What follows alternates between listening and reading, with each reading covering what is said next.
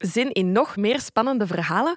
Luister nu ook naar audioboeken op Podimo. Je vindt er onder meer de true crime bestseller Judas van Astrid Holleder terug. Die kunnen we jullie alvast aanbevelen.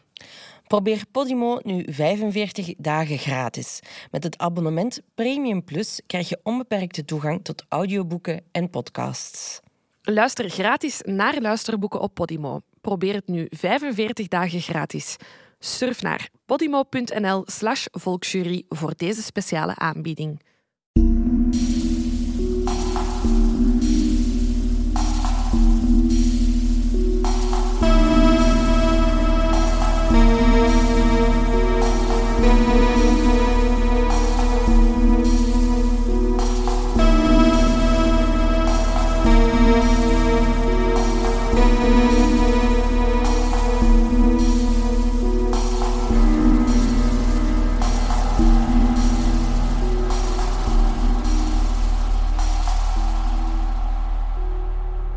Welkom bij de honderdste aflevering van De Volksjury. Dit zijn Laura en Silke. Gefeliciteerd! Proficiat! Oh my god! Ja, ik ga even direct inschenken. Jongens, jullie waren er live bij toen eh, onze honderdste kava werd geopend. Wauw, het is al de derde aflevering op rij dat we felicitaties doen. Hè? Ja, het is wel een beetje gênant aan het het is worden. echt te veel nu. Hierna is het weer Humble Life. Eh, maar ja, dit is onze honderdste aflevering. Ja. En de eerste keer dat jullie eh, een andere intro gehoord hebben. Ja, Namelijk, ehm, dat waren Lucas en Annick. Die eh, voor de gelegenheid onze, onze intro hebben ingesproken. Wat vonden jullie ervan? Ik ben benieuwd. Ja, het is ook de eerste keer, denk ik, dat jullie de stemmen horen van Annick en Lucas. Ja, ze hebben nog nooit iets... Het was met veel zuchten hoor, om het te doen. we hebben ook filmpjes Mm. opgenomen, gaan we zeker posten. Ehm, ja, het was wel moeilijk. We weten niet of het voor herhaling vatbaar is. Nee, maar honderd. Cheers! Cheers, post. Mm, ja! Hè. School. Amai. Proost. Wie had dat gedacht? Ja, niemand. Honderd. Crazy. Echt zot. Ik ben echt blij dat we... Want toen jij op wereldreis ging... Even Ja. Flashback, hè. Even, dat mag nu op dus dit ik moment, praat niet meer over wereldreis, omdat ik schrik heb dat mensen dan weer bingo gaan roepen. Maar ja, you do hè. Het you. mag, Ja. het mag. Ehm, en toen was er wel even zo van... Gaan we terug opstarten? Of niet dat dat een vraag is geweest of zo, maar wel zo van... Want dat gebeurt zo vaak, als je dan on a break bent, Ja. Dat er dan niks meer van Ja. in huis komt. En kijk eens aan, hier zitten we toch Ik ben nog. heel trots op ons. Hebben we goed gedaan. Ehm, Silke heeft ook iets ongelooflijks gedaan. Iets wat ik totaal niet had zien aankomen. Ehm, want ik ben de secretaresse van de twee. Eh, organisatorisch, planningsgewijs, eh, betalingen, dat soort dingen zitten. dat is mijn... Moet je mij absoluut niet laten doen. Maar eh, ik stond daar straks voor de deur en ik belde aan en er was niemand thuis. Raar, want ik dacht, we gaan vandaag wel de honderdste aflevering opnemen. Ehm, en ineens duikt A Wild Silke Appears achter mij met een hele grote doos. En dan moest ik mijn ogen toedoen. En daarin zat de allermooiste taart ooit. What the fuck. Echt prachtig. Ja, dank u. Ik ben Ja, jij- jij Dank bedankt. u. Ehm, bedankt aan de taartenmaker Ja. ook vooral. Nee, ik was hier al... eh, ik dacht, ah, ik, wil, ik wil eens iets doen. Ja. Ik wil eens iets doen. En ik dacht, ik ga een taart bestellen. Al in augustus. Eind augustus mee begonnen is het idee in mijn hoofd gekomen. Ja. September de persoon gecontacteerd die, eh, die het heeft gemaakt. Ik heb hier trouwens een nachtmerrie over gehad. Over de- Wanneer? over de- een paar weken geleden over de taart. Dat ik de taart ging ophalen en dat die zo niet bedekt was met iets. En dat ik zo niet durfde zeggen... Maar dit is niet wat dat ik besteld had. Ik wou bloed en kava en de botten van de botten. Ah, jongens, ja, we hebben hem al gedeeld op de stories, maar ik zal hem zeker ook in de Oh, foto's het van de aflevering zetten. stress opgeleverd. Dus. Maar het is geen stoeme taart. Het is echt de mooiste taart die ik ooit in mijn leven Oh. heb gehad. En de kava die we aan het drinken zijn, hebben we eh, gekregen, ik denk op een live show. Ja, of op de Oostende? Oostende? Het is echt al heel lang geleden. Ah, ja. Of tijdens misschien een signeersessie. Ik weet het niet meer. Maar het is kava die we hebben gekregen van Rune en Kaat. En eh, ze hebben er 100 op geschreven. En we mochten ze pas open doen voor de honderdste Ja, ja, ja, aflevering. ja. Dus voilà, dankjewel, Rune en Kaat. bedankt. Heel leuk. Ondertussen zijn wij ook onder een steen vandaan gekomen. Hè? We zijn voorzichtig onder een steen gekropen, want ons boek is officieel in druk. Het is gedaan, we hebben het nagelezen. Er gaan sowieso nog fouten in staan. Whatever. Ehm, het ligt bij de drukker. We hebben het eh, ook eh, in pre-order gelanceerd, eh, zoals jullie misschien hebben kunnen zien op de sociale media. Wat gaan we doen? Ehm, tot 7 december kan je eh, via onze website, dus www.volksjury.be, je exemplaar pre-orderen. En dan eh, als geste gaan we dat boek signeren. Gewoon uw namen. Je moet niet al beginnen nadenken over een boodschap, want het zal gewoon Gaan onze naam zijn. doen. Nope, nope, nope. Maar onze namen zullen er wel in staan. En je krijgt ook drie superleuke postkaartjes erbij, ehm, die je dan kan gebruiken. Op een leuk moment. Voilà, Of als bladwijzer. kan ook. Voilà. Dus ehm, kan, bestel maar. We zitten al over de duizend handtekeningen, dus maakt niet uit. Die vijf meer of minder. Nee. Dus, eh, maar het moet dus voor 7 eh, december, want daarna ehm, sluit de pre-order af. En dan zorgen wij dat het boek voor kerstmis eh, als B-post meewerkt bij jullie is. Leuk kerstcadeau, denk ik dan. Denk het wel, ja. Vind ik leuk. Denk het wel. Denkt je het ook? Ik denk, Denk het, het wel. wel. Ja, we gaan eh, vanavond trouwens ook onze honderdste aflevering eh, vieren. Want we zijn uitgenodigd bij Studio Brussel, bij Flo Windy, in haar Flow Late Night Show. Tune in, eh We luister. hebben de, de muziek mogen kiezen. Ik weet niet of dat, dat positief is of negatief. We laten dat aan jullie over. Ehm, maar be there. Eh, heel leuk, leuk dat we mogen komen. Ehm, verder heb ik nog opgeschreven dat ik een, deze week een low-rise broek heb gekocht. ik heb hem ook nu aan. Ehm, ja, ik dacht, weet je, ik ga, het, het is mijn ergste nachtmerrie, maar het is terug. Mhm. TikTok made me do it. Dus ik heb nu terug een broek aan waarbij dat je mijn string kunt zien als ik neerzit. Ik weet niet of het een...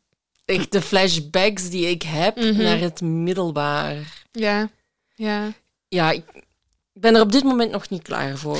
Nee, maar het is, Ik, ik ben er ik vind het moedig van u. Ja, maar ik ben er ook niet klaar voor. Het is, maar het is gewoon korte pijn, omdat ik denk van, het gaat komen. Het is gedaan, die comfortabele Hi, high-rise. ik ga ze missen. Ik ook. Rip. Rip. Rip de high-rise pants. Ehm, wat heb ik hier nog? Ik heb, eh, om te beginnen, een podcast-tip. Mhm. Hoaxed. Zet Ah, ik ben ook aan het luisteren. Aan het? Ik dacht, ik dacht die te houden voor de volgende. Oh, sorry, sorry, sorry, sorry. Ehm, voor de mensen die ehm, bekend zijn met true crime podcasts. Ehm, sorry. Hoaxed is gemaakt door Alexi Monstros. Die ken je van Sweet Bobby. Dat hebben we ook al eens eh, getipt. En deze keer gaat het over een complottheorie die eigenlijk om de zoveel tijd weer eens opduikt. Namelijk een groep mensen uit de elite die spannen samen om kinderen te misbruiken in satanistische rituelen. En Alexi heeft zoiets van... ehm, dit gerucht waar hij zich op specifieert is, ga- vindt plaats in 2014. Echt in een, heel recent. ja, in een Londense buitenwijk. Eh, het start eigenlijk allemaal met de moeder van kinderen, ehm, die met verklaringen naar buiten komt. En hij onderzoekt het allemaal. Oh, het is zo goed. Ja, ik heb het, uit, ik heb het al ondertussen Ah ja, ik, uitgeluisterd. ben, ben nog maar eh, aan aflevering 2. En het was zo lang geleden dat ik nog zo de laatste minuten van de laatste aflevering en zo, fuck, het is weer gedaan. Oh. Zo, het is gedaan ja. nu. Ja, en ik heeft ook geluisterd. Ook in één ruk, als het ware. Ja. Dus eh, ik ben benieuwd wat er nog gaat komen. ja, ik vind het echt, ik vond het echt heel goed. En heel interessant die insteek van ja, die complottheorie en dat dat altijd terugkomt. En inderdaad, zo dat, dat satanisme en waarom mensen altijd denken dat mensen kinderen opeten. Ik snap het niet zo goed. Nee, het is eh, nee, een heel vreemd fenomeen Ja. dat dat altijd zo terugkomt. Ja. En ook altijd zo, de hogere elite eet kinderen op en zo. Maar waarom? En waarom niet de lagere? En wel, het ding is, hij legt dan wel zo, maar je zult dat misschien nog wel horen. horen. Ehm, legt hem wel zo uit van dat, er, dat heksen uit de Ik middeleeuwen, dacht het al wel. dat was dan de lagere, allee, of dat was een, gemarginaliseerde groep, zeg maar, die dat ook kinderen zou hebben opgegeten. Ah, ja, dus wanneer dat die shift naar die rijke mensen is gebeurd, dat, dat, dat weet ik niet. Oké, Voilà. ben En dan heb ik nog een streamstip. Eh, het is weer al schaamteloze zelfreclame, maar weet je wat? Pff, I don't care. Dit is mijn podcast. ik doe dit al honderd afleveringen. Ehm, maar daar kan je vanaf eh, deze week Geldwolven op kijken. Dat is eh, een nieuwe fictiereeks waar ik heb aan meegewerkt. Even kort een inhoud. Eh, het gaat over een fraude-expert, de Frank. En die komt erachter dat de wereld niet zo eerlijk is als hij zelf dacht. Dus hij beslist om voor het eerst in zijn leven de regels te overtreden. En hij doet dat samen met zijn tegenpool. En ze, gaan, ze, ze plegen verschillende fraude, oplichtingen. En de een na de ander wordt groter en groter. Ik wil gewoon zeggen, voor mij, het personage van Peggy, hashtag Team Peggy voor mij, echt She's Amazing. Ze wordt gespeeld door Marianne de Schutter. Marianne, als je nog niet verloofd bent, trouw met mij. Het is, ze is zo'n goede actrice. Echt waar. Ik, ja, haar komische timing is ongelooflijk. En in deze reeks echt super hard. En het personage van Peggy doet me echt altijd heel hard lachen. Dus voilà, als Ah, je oké, daar zin in hebt, ehm, op streams te vinden. Ehm, heb ik hier nog iets opgeschreven? Nee? Heb jij nog iets? Ik wil gewoon zeggen dat ik naar de Backstreet Boys ben geweest. Oh my god, ja! Ja, sorry, we hebben dat wel al offline besproken, maar even context. Ook, want dat is ook een proces van lange adem Dat is geweest. ook een proces van lange adem geweest. Ehm, zoals jullie weten heb ik een vriendin, Aniek.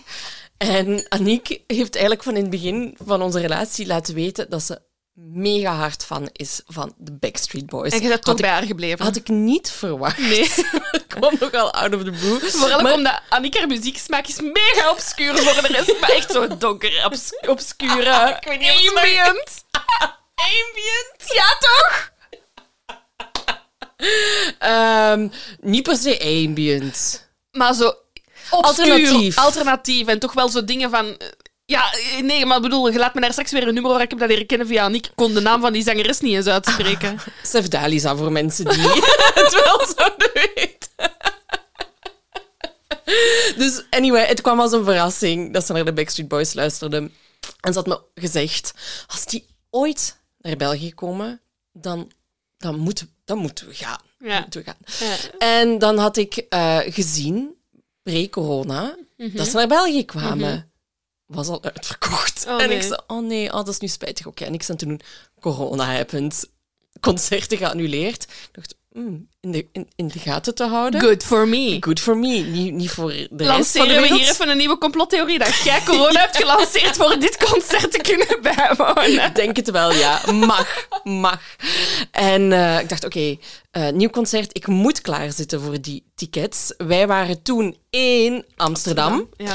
Eh, dus ik heb samen met Laura de tickets gekocht. S ochtends vroeg op, aan, het ontbij aan de Het ontbijttafel. was echt twee laptops, gsm's, alle accounts open op Ticketmaster. Verschrikkelijk. Ja. Zo gaat dat dan tegenwoordig. En dan met behulp van Laura heb ik goede plaatsen kunnen uitkiezen. Want Laura, haar brein is eigenlijk gewoon de map van het Sportpaleis. Ja, sorry, ik, af en toe ga ik naar een concert, dus ik weet waar je moet zitten. Voilà. Voilà. En dan, dus dat was in mei. Ja. mei. Dan, Annick was in juli jarig. Dus dan heb ik de eh, tickets gegeven. Maar ik vind het, dat vind ik het mafste stuk. Dat je van mei tot juli hebt kunnen geheim houden. Ja, ja. Want had ze, heeft ze tegen u in die periode ooit gezegd... Ah, dat, dat, ze komen naar België. Ah, wel, dat was mijn grote angst dat ze ging zien ja. dat ze gingen komen. En ze heeft dat dus totaal gemist. Echt, ah, Gelukkig. perfect. Gelukkig, ja. Dus eh, ik heb haar dan echt kunnen verrassen. Haar mond viel echt tot op de grond. Ja. Dus Well done. weer goed gedaan van mezelf. Ehm, en dan vorige week was het eindelijk zover. We, zijn, we hebben echt zo afgeteld. Hè, Ja. Van, oh, nog vijf dagen, oh, nog vier dagen. Ehm, en het was zo goed. Ja. En het kind was zo blij. Die filmpjes dat je van haar doorstuurde. Ik denk, heb je ze ook niet gepost op Instagram? Ja, ja. Oh, echt een kind in een snoepwinkel. Die Hilarisch. pret-oogjes. Ja. En zelfs ik... Want mijn eerste cassetje was van de Backstreet Boys. Dus Ah, ik heb ook wel ergens een link met de Backstreet Boys. Niet in de mate dat Aniek de link heeft, maar kan ze ook wel appreciëren met hun klassieke hits. Echt waar. Ehm, dus ik heb er ook heel erg van genoten, maar om Aniek in die setting te zien met de Backstreet Boys. En het was ook echt goed. Echt, die mannen kunnen zingen. Ja. De danspasjes. ja, dat zag er... Ik, want ik vroeg je dan om video's door te sturen. Springen die even uit dat podium? Oh my god. Hilarisch. Die zijn... Het was echt supergoed. Ik heb heel veel ideeën ook opgedaan voor onze live shows. Qua danspasjes. Ah, gaan we dansen dan? Ja, ik heb beslist dat we dat nu gaan doen, ja. Oh my god, wat leuk. Nee, dus eh, om maar te zeggen, ehm, het boek is afgesloten, dus nu kan ik terug genieten van het leven. het leven, en de dus- Backstreet Boys ja. was een goede opener om, eh, om daar terug mee te beginnen. Ja. En Aniek was super blij en dat is het belangrijkste. Over genieten van het leven gesproken. Weet je waar ik nu momenteel heel hard van geniet? Het eens. Van slapen. Want zoals jullie weten, ehm, hebben wij ehm, een samenwerking met Emma eh, Sleep. Hè. We hebben alle twee een eh, Emma Sleep matras. Eh, in ons bezit sinds kort. Ja. En ik had die de vorige keer nog niet opgelegd, maar het moment is gekomen, Silke. Ik heb de Emma Sleep opgelegd. Voor wie niet weet, niet weet waarover het gaat, die ook onder een steen heeft geleefd, net als ons. Emma is ehm, een... ehm, een is, er is gepassioneerd om ervoor te zorgen dat iedereen op de beste manier slaap kan krijgen, in de beste kwaliteit. Dat je goede dagen tegemoet gaat. Goede nachten betekent goede dagen. They know. Ze hebben verschillende slaapproducten die eh, zorgen dat je s'nachts kan opladen. Je kan er matrassen vinden op hun website, maar eh, ook boxsprings eh, of bedden. Dus voor ieder wat wils. En zeg het een keer. En het is, het is gebeurd. Ze ligt. Eh, het was eh, bij ons eh, met enige angst, net als bij u. hè. We hadden een matras, tevreden van. Nieuwe matras. Wat gaat dat geven? Wat gaat dat geven? Ja, ziek goed geslapen. Ja, ik weet het. Ik weet het. Er zit ook zo'n laagje van bovenop. Heet het memory foam? Ik weet niet of ik de juiste term ga gebruiken, maar waar daar dat je zo... een- Want het is een best stevige matras, wat ik heel graag heb. Maar je zakt er zo toch een beetje in. Ja. Love it! Goed? Love it! ik weet het. Ja. Ja, mega content van gewoon. Aniek, en Aniek is, is heel kritisch. Ja. Die zei me deze week nog van... ehm, ik heb eindelijk geen spierpijn meer als ik Ah, opsta. wel, maar dat ook. Ja. Amazing. Ja, echt. Nee, het is echt geen kwatsch. Nee, nee, nee, maar dat is het goede ook. hè. We hebben hier een samenwerking mee, maar we mogen het dan wel zelf testen. Ja, En dan is dat gewoon wel fijn als dat fucking goed meevalt. inderdaad. Ja. Dus Love heel it. goed. Ehm, bo, wij niet alleen, hè, ze worden ook eh, beloond eh, als product van het jaar op testaankoop.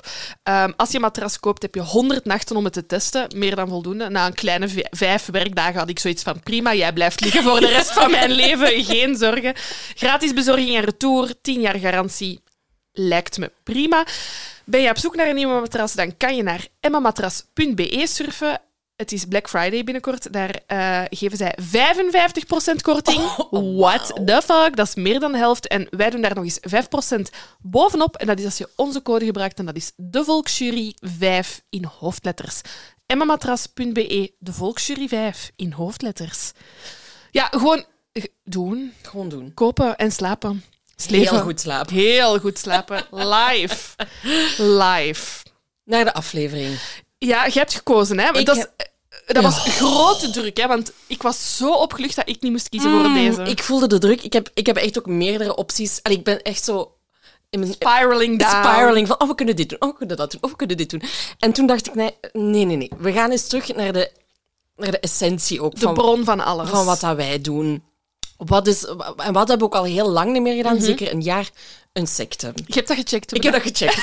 Het- is gedateerd van vorig jaar november dat wij nog een secte hebben gedaan. Ik dacht, dat kan toch niet? Dat Oh dat zo lang geleden Ja. is dat wij nog een secte hebben gedaan. Dat was die van in, eh, in, eh, in Mexico. Oh, ja, ja, Ja. ja, de Palo Ja. Santo. Ja. Oh, wauw, dat zit er nog goed in bij u. Ik, ik hou mijn lijstje bij van sectes die ik kan joinen. Ah, voilà, kijk, Maar ik schrijf dan de plusjes en de minnetjes op. Ik heb hem nog niet gevonden. En ik dacht, deze is ook ehm, heel interessant omdat we naar Japan gaan. Mhm. En de aflevering in Japan bij ons hebben wel al wat emoties veroorzaakt. Dat zijn wel, een- ja, dat zijn wel altijd blijvertjes, hè? Inderdaad. Dus ik dacht, voor de honderdste gaan we op die emoties weer spelen. Eh, we gaan naar Japan. Ja, ik wil er even mijn persoonlijke insteek van de- deze eh, secte even toelichten. Ik ben op reis geweest in Japan. Op wereldreis? Nee. Nu heb je al twee keer wereldreis gezegd. En jij bent niet op wereldreis geweest. Ja, I know.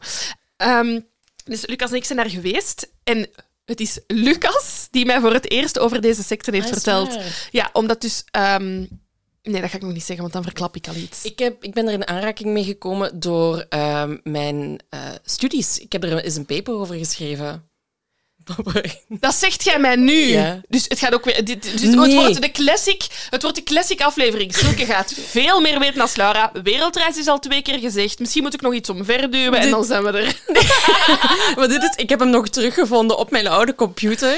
En werd je zo, fuck, wat heb ik geschreven? Ja, maar echt cringe. Ook zo wetenschappelijk willen schrijven. Zo, je kent het zo, Heel dat, goed, dat heel universiteitstaaltje. Het is van 2011 geleden en ehm, het... ehm, ja, ik dacht echt... Oh, ik heb er ook niks aan gehad voor deze aflevering. Nee, oké, dat is Maar, raar. eh, nee, ja.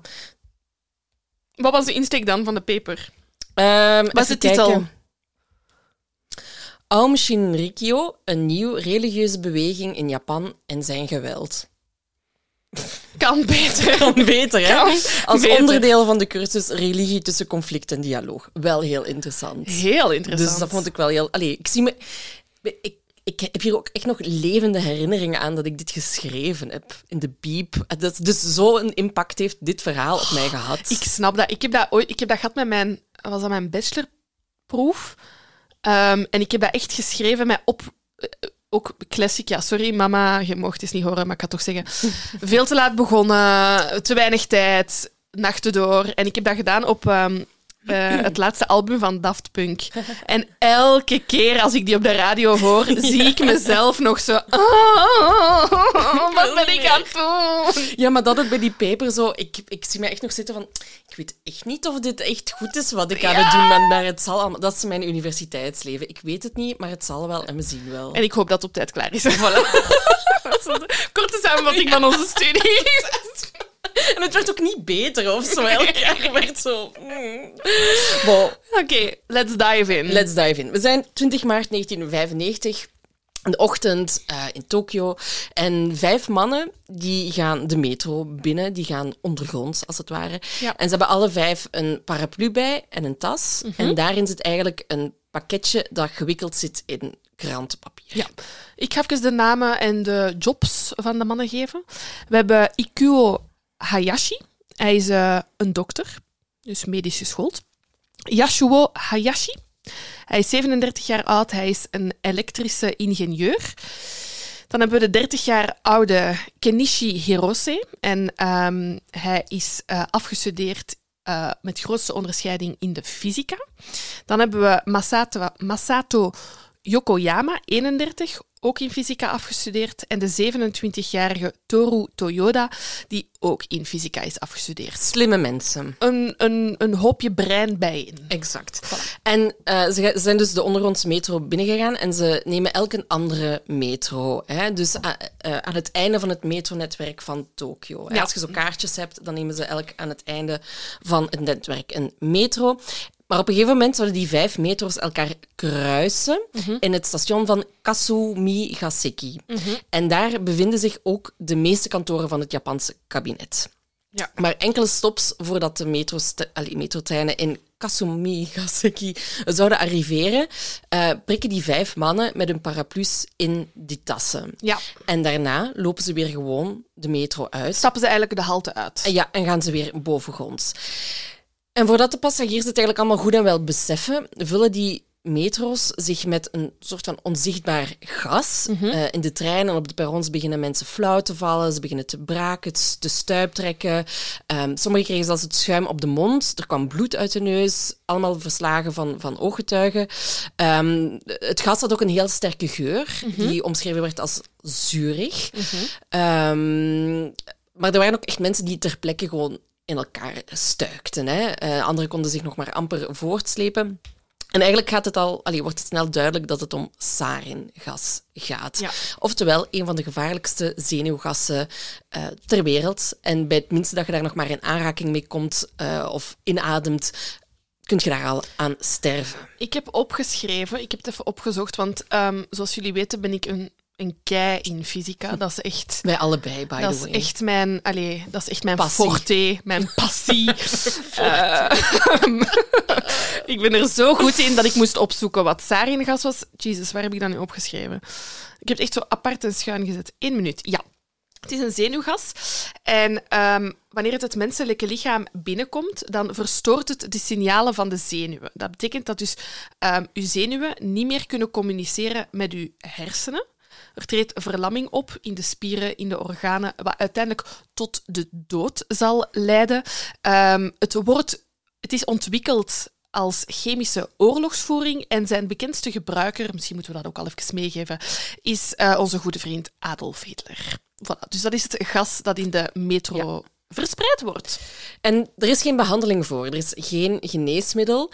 Ehm, de enige behandelingsmethode blijkt eigenlijk te zijn dat ze de ademhaling proberen te controleren. zodat, ehm, en, dat de, en dat de lever, de werking daarvan, goed blijft gaan. Ja. Omdat die het gif kan verwerken. kan verwerken, Ja. inderdaad. Maar er bestaat dus geen medicatie tegen. Dus Nee. mensen moeten dat gewoon ondergaan en hopen op het beste. En hopen dat je blijft leven. En hopen dat je blijft eh, leven, inderdaad. Ehm, om, ja, ze- ze- dus, maar ze moeten wel zo snel mogelijk behandeld worden, Mhm. met wat er dan mogelijk is, om blijvende schade aan het zenuwstelsel te Ja. voorkomen. Ja, en ik vermoed ook, ja, zo snel mogelijk stoppen met het in te ademen. Maar ja, daar zit natuurlijk hier de catch, want we zitten in de, fok- in de fucking metro. En als je al uit het toestel bent, zit je inderdaad nog altijd ondergrond. Ja, want het verspreidt zich helemaal in heel de metro van, Mhm. eh, van Tokio. Ehm, ik ben verschillende cijfers tegengekomen, maar ik heb dat er twaalf mensen gestorven zijn. Ja. Ehm 50 mensen zijn zwaar gewond en duizend anderen zullen altijd fysieke klachten hebben, zoals problemen met het zicht. Mhm. Dan denk je natuurlijk, wie de fuck doet zoiets? Waarom? Waarom ook? Ehm, nu, er wordt niet meteen gedacht aan de ehm, normale terroristische groeperingen in, in Japan. Want die waren er. Die, er waren wel in de jaren daarvoor zijn, zijn er hier en daar wel eens, hè, zowel van linkse organisaties als rechtse organisaties, eh, aanslagen geweest. Maar die hebben nooit gifgas gebruikt tot dan toe. Dus ze hebben Ja. zoiets van: oké, we hebben geen idee wie dan de daders en hun motieven kunnen zijn. Mhm. Het enige wat dat ze hebben is dat er eerder die maand twee gelijkaardige incidenten hebben plaatsgevonden, eh, waarvan ze dan denken dat dat een generale repetitie zou kunnen zijn geweest voor de aanslag van 20 maart. De eerste was op 15 maart. Er werden er in een metro, metrostation drie geheimzinnige diplomatenkoffertjes gevonden, die elk drie tankjes met een onbekende vloeistof, kleine ventilatoren, ventielen en de batterij bevatten. En uit een van die tankjes kwam ook nevel.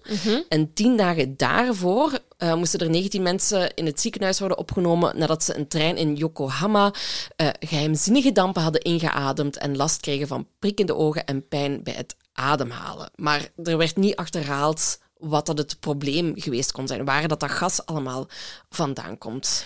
Ik vind dat heel beangstigend. Sowieso de, de aanslag, maar het feit dat er al twee Mm. keer daarvoor Ja. iets dergelijks is. Ik, ga, ik kan nu wel even mijn fun fact van de, van de s- secte vertellen, of hoe ik het heb ontdekt. Wij waren in Japan en ehm, in de metro's waren nergens vuilbakken. En als ze er waren, waren ze doorzichtig. Wauw. En die zijn blijkbaar allemaal weggehaald na de aanslag. Ehm, omdat ze wilden vermijden dat mensen dingen konden achterlaten en dumpen. En, ehm, en ik herinner mij dat ze dat in Brussel hebben ze ook alle vuilbakken veranderd naar gewoon plastieke zakken rond een ring na de aanslagen in Brussel. Ah, oké, dat wist ik niet. Zot, hè? Zot, ja, En ja. dus ja, we hadden dat, ik denk dat wij, ik weet niet, we hadden afval en, we, en we, we konden maar niks vinden. En dan hebben we dat zitten opzoeken. En ik weet dat Lucas die secte naar mij pitchen als er was iemand en die dacht dat hij Jezus was en dan heeft hij een aanslag op de... Dus ik, dat was... En dan was ik zo, ja, zal wel. En dan mijn true crime brein. Ja, ja, dan ja. beginnen zoeken en dan was ik zo, oké, dit is er gebeurd. Er is wel meer aan de hand dan Dat gaan we nu zegt. vertellen. Ja, sorry, maar er is wel... Jezus is, erbij betrokken. Jezus is er zeker bij betrokken. Maar er, er is niemand die eigenlijk die aanslag opeist, de drie. Er is niemand die naar voren Nee. komt en zegt, dit waren wij.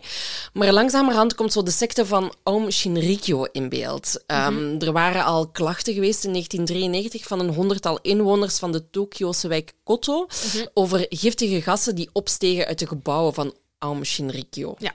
Eh, en dan was er ook nog eens een klacht van de secte tegen een directeur van een bedrijf daar in de buurt, eh, waarvan zij, de secte zei van ja, die heeft saren verspreid in ons onderkomen.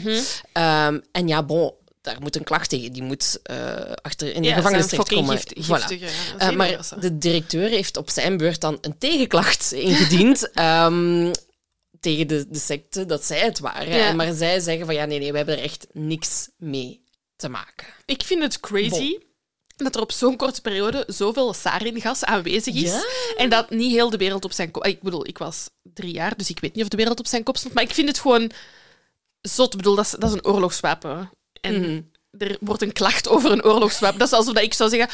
Er staat een tank in mijn tuin met een bazooka op en dat, dat irriteert me. Dat maakt je toch zorgen of zo? Zo, zo klonk het inderdaad. Ja. Ja. Ze kloegen dat Ja, er wat ja. sarin was vrijgekomen. Ehm, nee, dus laten we gewoon naar het begin gaan. Naar de bron van dit alles. En daarvoor moeten we naar 2 maart 1955, want dan wordt Matsumoto Shizuo geboren. Ehm, hij is de vierde zoon in een familie van vijf broers en twee zussen. Uh, het is geen al te rijke familie. De papa is een, laag geschoolde tatami-maker. Dat zijn zo die uh, matten die dat je in traditionele Japanse huizen um, tegenkomt. Ze wonen in Yatsushiro, is het meest zuidelijke eiland uh, van Japan. En uh, Matsumoto, sorry, ik heb dit ook al tegen Silke gezegd. Ik moet heel de tijd aan Matsumatsu denken van oh, oh Gerso, als ik deze naam hoor. Ja, voilà. Het maar het is niet dezelfde persoon. maar bon, uh, Matsumoto wordt uh, geboren met een erfelijke vorm van de oogziekte glaucoom. Met mijn fysische achtergrond dacht ik, ik ga dat ook even uitleggen mm. aan jullie, want jullie kennen dat natuurlijk niet.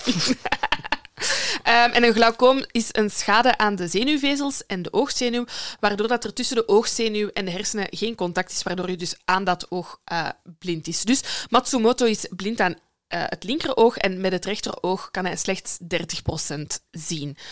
Zijn papa heeft zoiets van, fuck, we zijn een arm gezin. Um, ja, mijn kind is visueel gehandicapt, dat is uh, dikke kak.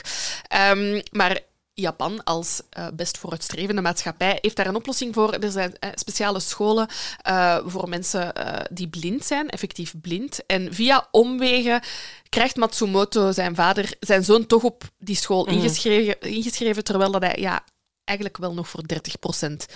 Het is niet veel, maar hij kan nog zien. Nee, en het is eigenlijk op deze gebeurtenis dat het spreekwoord um, in het land der blinden is koning één oog koning is, uh, is, één is, koning. is één oog koning is um, gebaseerd. Nee, dat is ook niet waar, maar het is wel van toepassing. toepassing ja. Want de hele klas is blind en Matsumoto kan een beetje zien, waardoor dat hij eigenlijk ja, boven de rest komt op school. Mm -hmm, mm -hmm. En daar ja, geraakt zijn karakter... Um, dat, dat, dat, zet zijn karakter wel direct in de picture. In the picture. Um, hij maakt daar eigenlijk gebruik van uh, in de jaren dat hij op school zit. Um, hij helpt, of hij biedt hulp aan aan zijn blinde studiegenoten. Hij zegt, ik zal met jullie naar de winkel gaan en uh, met, nou, jullie begeleiden naar de kapper.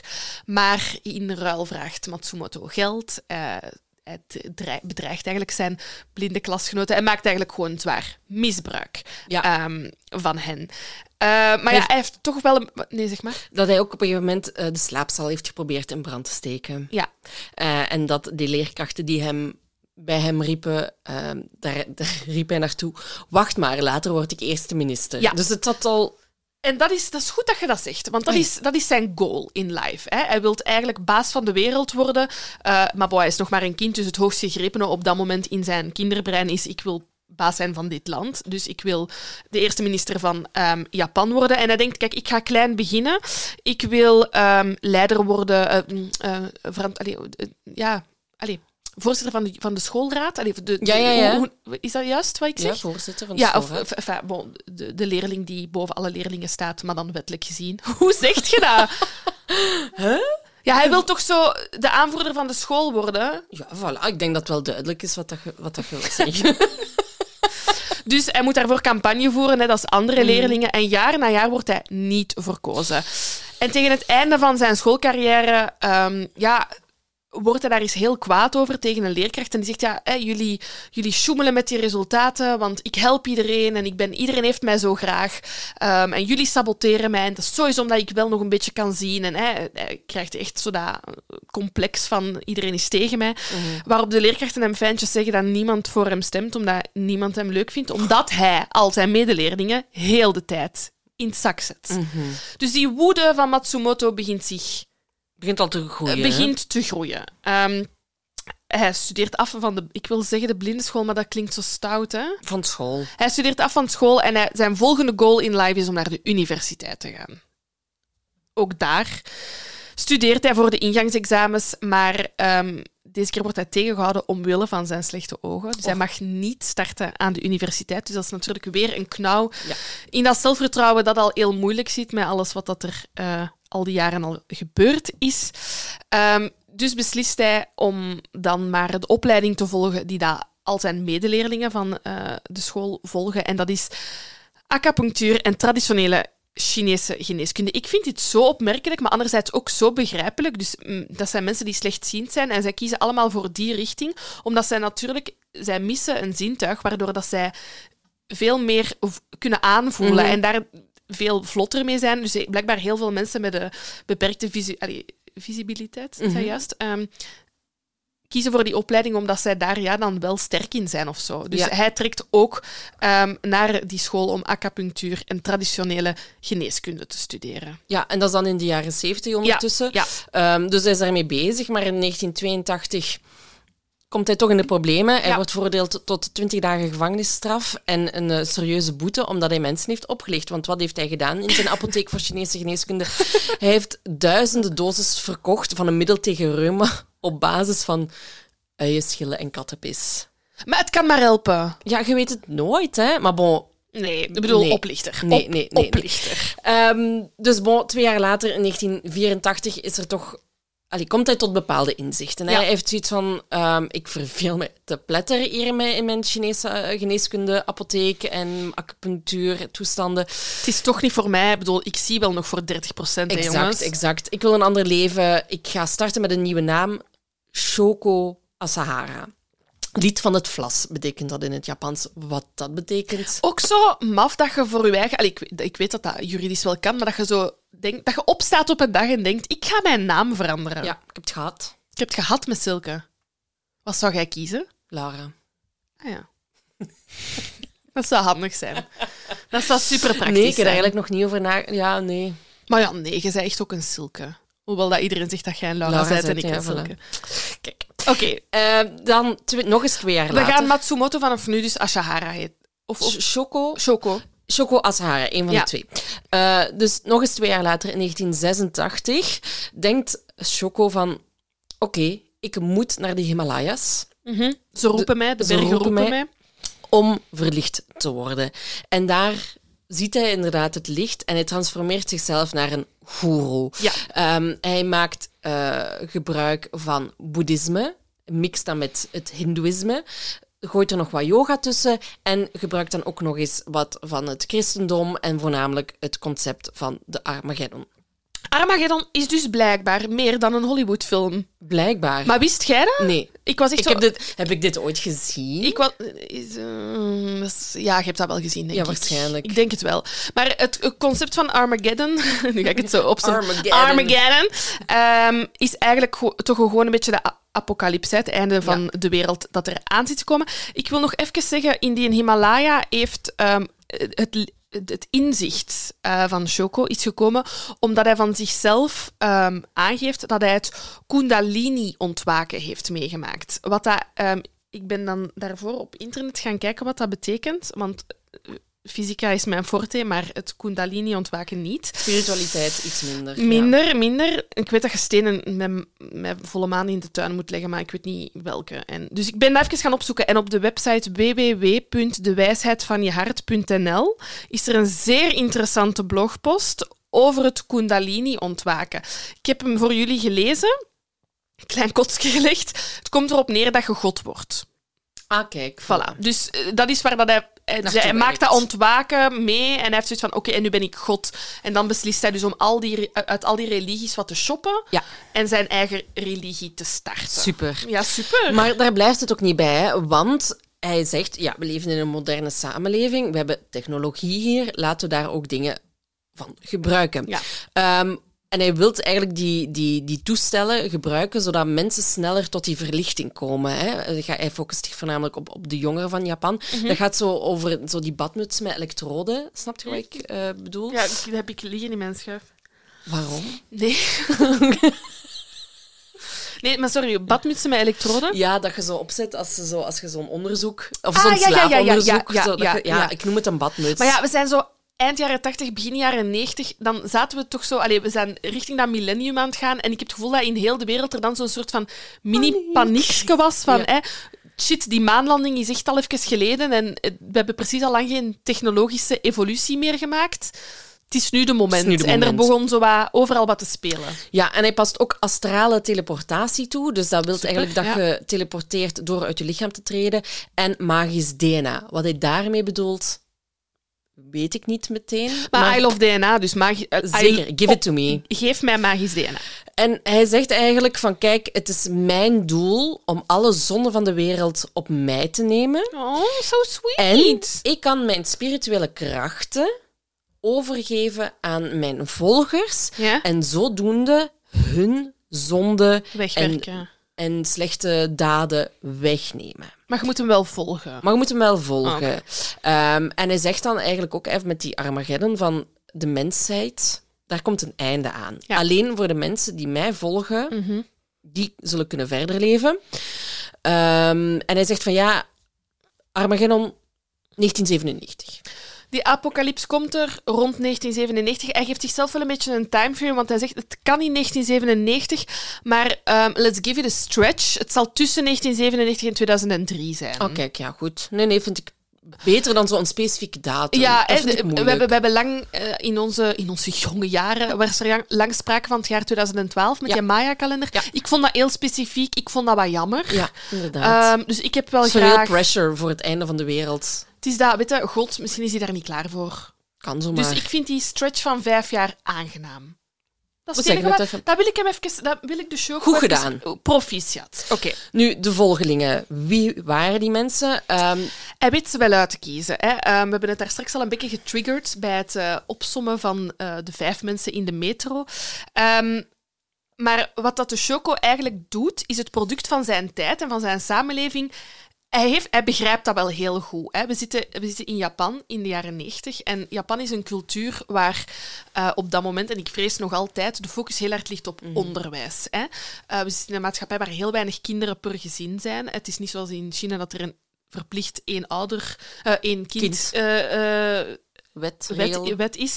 Maar er zijn heel weinig kinderen en eh, ouders leggen heel veel druk op hun kinderen. Eh, Kinderen moeten 240 dagen per jaar naar school. Ik was zo, wat de fuck, dat lijkt mij prima. En dan begon ik uit te tellen en dat is echt wel... eh, Wij gaan 190 dagen per jaar naar school. Dus het is wel een groot verschil.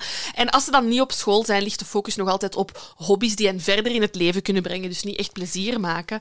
Ehm, dus dat is eigenlijk ja, de maatschappij waarin dat die kinderen opgroeien. Ehm, waar dat ze dan wel in kunnen vluchten. En we zitten in die, in, in, in het, tegen het millennium, dus die computers komen eh, in beeld. Eh, voor mij was dat Freddy Fish. Ik weet niet wat dat jij Ah ja, speelde. Freddy Fish. Ja, zeker. Eh, daar kon ik mij ook in verliezen als ik niet op school zat.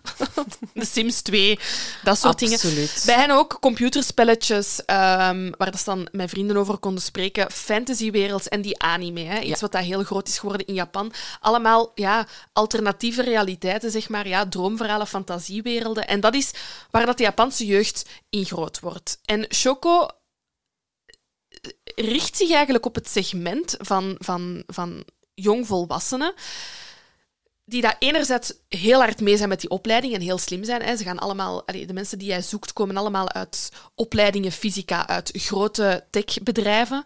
Ehm, maar die los van hun werk of van hun studies moeilijk kunnen aarden in ja, de verontwikkelde maatschappij die, die, die Japan is. Het is een heel dichtgevolgd eh, gebied, je bent nooit alleen. En er is wel een... Het heeft ook een naam, wacht, ik- heb jij het Ja, opgeschreven? Ik heb het hier ook ergens staan. Even kijken. De otaku. Ja, en dat is een, een term die ze geven aan mensen, iets wat dat ik vandaag een introvert zou noemen, denk ik.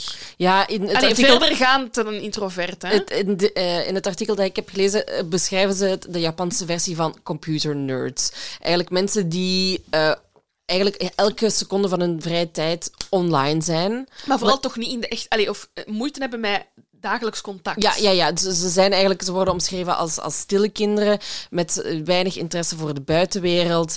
Ehm, en dat ze vooral dus veel bezig zijn met computers en de anime. Ja, ja, ja. En hij richt zich op die mensen. Ik denk enerzijds... eh, eh, Ik denk enerzijds omdat die fucking intelligent zijn. hè, en hij is heel erg bezig met die technologie en hoe dat hij daarmee de wereld kan eh, redden, of toch zijn volgers kan redden. Dus daarvoor heeft hij die brains wel Nodig. nodig. En anderzijds geeft hij die mensen, door te zeggen, je bent welkom in mijn universum, ja, een wereld om voor te leven. Heb, Anders dan de samenleving waarin ze zijn opgegroeid. ik heb er een paar opgeschreven. Ja, doe maar. Ehm, een voorbeeld is eh Shaishi Endo, 28 jaar, die ehm, een dure en, en prestigieuze opleiding aan het volgen is aan de Kyoto Universiteit.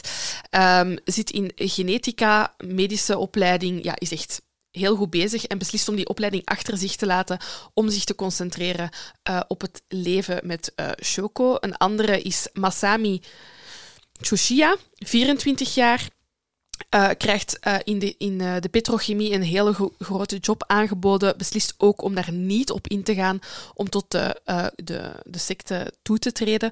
En ja, zo'n hele lijst van mensen Ik die... heb er nog wel een paar Ja, ik ook. En dan interessante- gaan we Ah, ze allemaal ik op... wil, ik, wil, ik wil er nog wel eentje Ja, doen, die ik wel tragisch, doch Oh, hilarisch ik weet vond. wie. Den Hideo, ga je zeggen. Nee? Ook, Ah. maar daarvoor is er ook nog eh, Fumihiro Yoju. Ja, ja. 26, ehm, die ook aan universiteit heeft gestudeerd. Ehm, hij mag gaan werken aan het National Space Development Agency, Agency of, of Japan, of Japan. Eh, maar na twee weken had hij al zoiets van, "Mm, dit is niks voor mij. En ja, bon, mensen, die mensen die hem die job hebben gegeven, die zijn echt zoiets van, maar gast, dit is echt een van de meest prestigieuze jobs in uw veld dat je kunt krijgen. Ja, je hebt Waarom- hiervoor gestudeerd. What the fuck? Ja. Waarom stopt je hiermee? En hij zegt, ja, kijk, eh, mijn job hier is incompatibel met mijn interesse in yoga. Ja. Dan is er nog Hideo Murai. Ja. Hij is een astrofysicus. Hij is briljant. Kan iemand mij uitleggen wat een astro... Astro is toch het heelal? Het heeft met de sterren te maken, inderdaad. En hoe dat alles in verband staat, waarschijnlijk met elkaar. Voilà, tot daar mijn Daar kennis zijn over- jij in afgestudeerd, precies. Hè? Ja, ja, absoluut. dus ik heb daar ook nog een paper over. Op twee dagen tijd. Ja, voilà, zeker. En toen wist ik wel waar het over ging.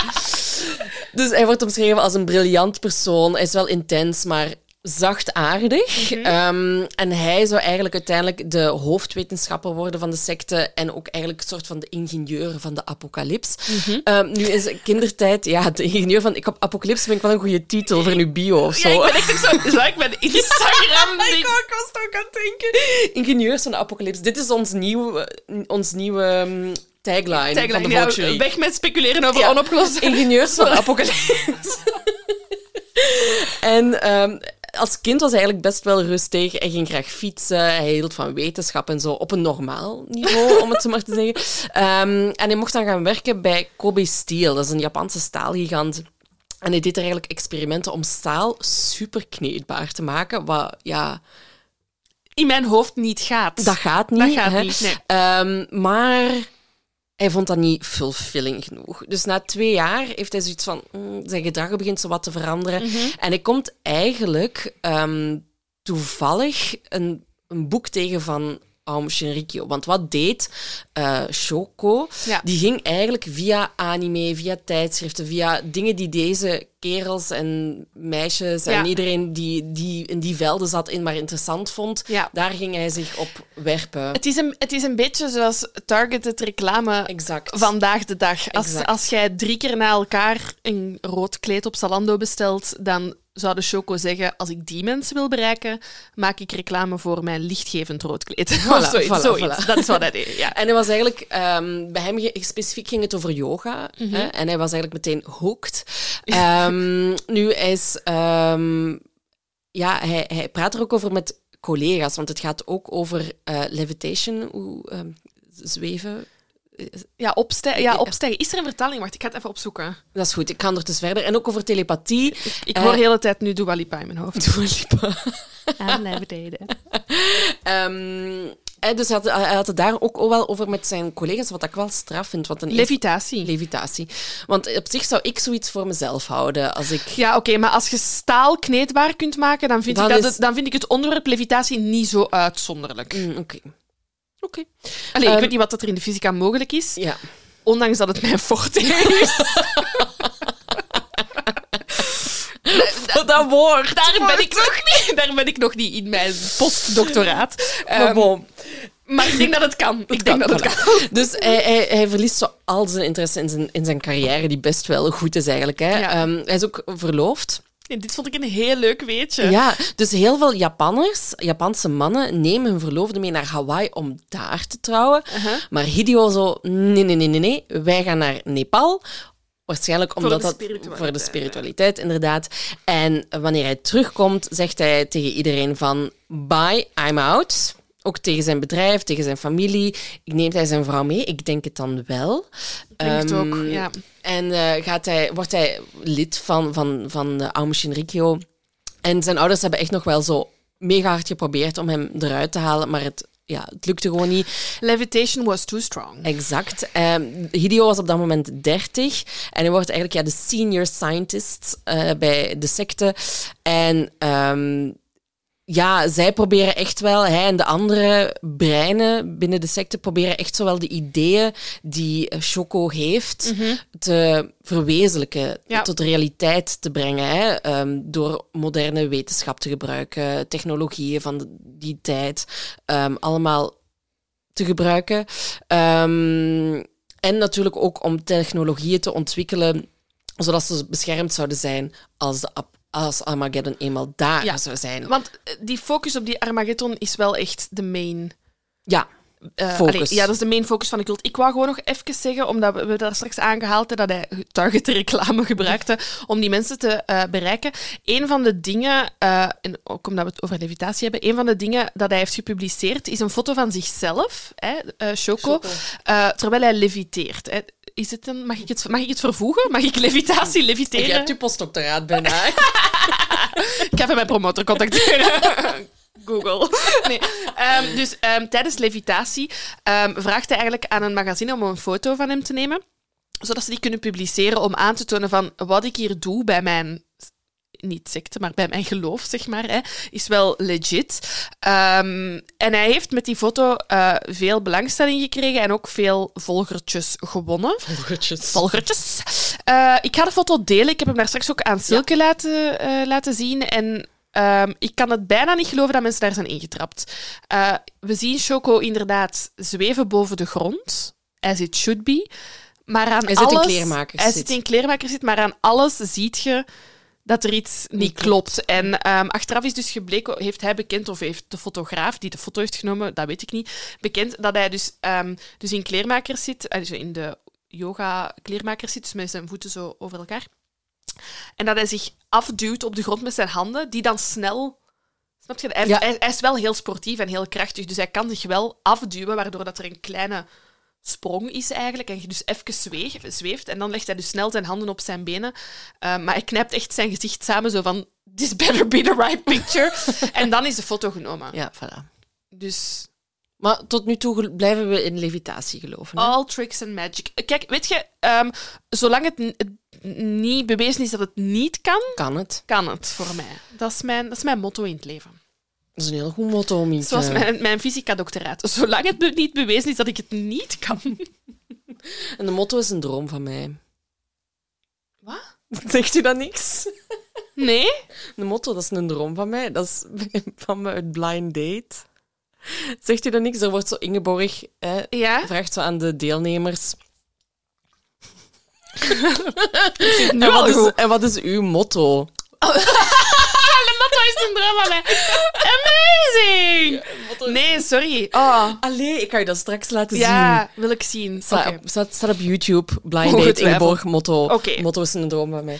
Eh, Bon, we gaan verder. Wat ik nog we wil... zijn terug bij levitatie. Ja, want eh, we hebben het al gehad dat, hij, dat Choco uit allerlei religies dingen is gaan plukken. Ja. Maar ze halen ook hun inspiratie uit één bepaald boek. Mm. Als het gaat over de apocalyps, over Armageddon, hoe dat, dat concreet in zijn werk gaat gaan. Ik ga even een zinnetje voorlezen dat uit de roman komt, eigenlijk. Mhm. Maar dat je eigenlijk direct weet van, ah ja, dat is één op één de cult waar dat we nu... ehm, dus. The empire will vanish, and all it good with it. The accumulated knowledge will decay, decay, decay, decay, Oké. and the order... eh, eh, and the order will vanish. Behalve... Dus, sorry, ik- had het half vertaald. dus dit, dit heb ik niet... Oké, ik ga het gewoon Opnieuw, vrij ja. vertalen. Dus het, het, het koninkrijk of, of, of, of het keizerrijk eh, zal verdwijnen met al het goed dat, eh, dat er mee gepaard gaat.